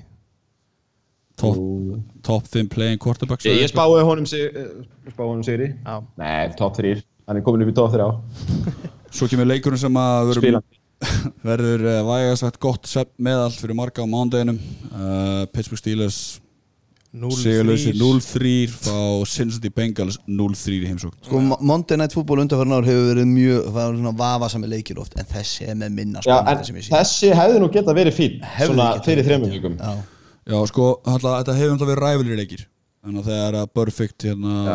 Antonio Brown og. Bell en núna er engin Það er ekkert í það er Þetta er alltaf bara einhverjar einhverjir gæðir sem þykist á skeppnur og, og Andy Dalton, The Red Rifle. Við erum allir með það, Þetta er líka ekkert Þetta er svona Nei, þetta 60-40 geti alveg leikur. verið skemmtilegu leikur. Þetta er ekki skemmtilega lið en þetta alveg verið ágæts leikur að horfa Ég ætla að breyta Bengals, Já, já. Ég breyti, sleið. Mhm. Þá er uh, þessu lokið. Er eitthvað sem að við viljum kannski bæta við. Nefnum kannski bara hana safe bet seðilina sem við erum með á, á, á coolbet það var Dallas Cowboys. Win, Mhm. á Seattle Seahawks win. Og Rams. Og Rams win. Og stöðlinn sem við fáum út af því er uh, pff, ég ætla ekki svo að reynd í höfnum mínu Þetta er þetta er góð- þetta er stöðl ég mun fara að nota ég veit það, fyrir víst. Svo mun ég fara mjög líklega eitthvað sexy. 3,02 Já. Geti verið vera getur að vera, það er rétt. Á safe bet. Um, Strákar, er eitthvað sem vilja bæta við eftir þetta? Erum bættu Chargers á hann seðil og, og, og mjólkaðu Dolphins tap. Þeir eru með reynda með 15,5 í forgjöf. Látið það eiga sig held ég þessa vikuna. sleppum því, þetta að það er eitthvað að gerast í Miami það er eitthvað að byrja að Það er matla eitthvað að gerast. Það er eitthvað ólga í sjónum. Ég- Salt í Ég veit ekki hvort að við þurfum að koma inn á það en við langar bara að koma inn á það alltaf þessa vikuna og hlustendur kannski segja bara að þið fílaði ekki. Bara minna á það að ég er svo eini sem er komin yfir 20 rétta í tippleiknum okkar stend á tóknum með 22 og hinn er með 19 eða eitthvað. Er það gaman að heyra, er það búið að slöka á skæpinu? Já, kæra lustundi, við þakka fyrir að taka þátt í þess að þvæla með okkur. Uh, Við munum halda þess svolsu uh, Hver ykkur tala að fylgja ykkur á Twitter og Facebook komið ábyrningar, við erum alltaf á ábyrningar það hvað við fyrir þetta, við höndum alltaf í tweet og við ekki tökum markaði sem þið segið, við höfum gaman að því. Strákar, takk fyrir komuna. En uh, þangur til næst, takk, takk.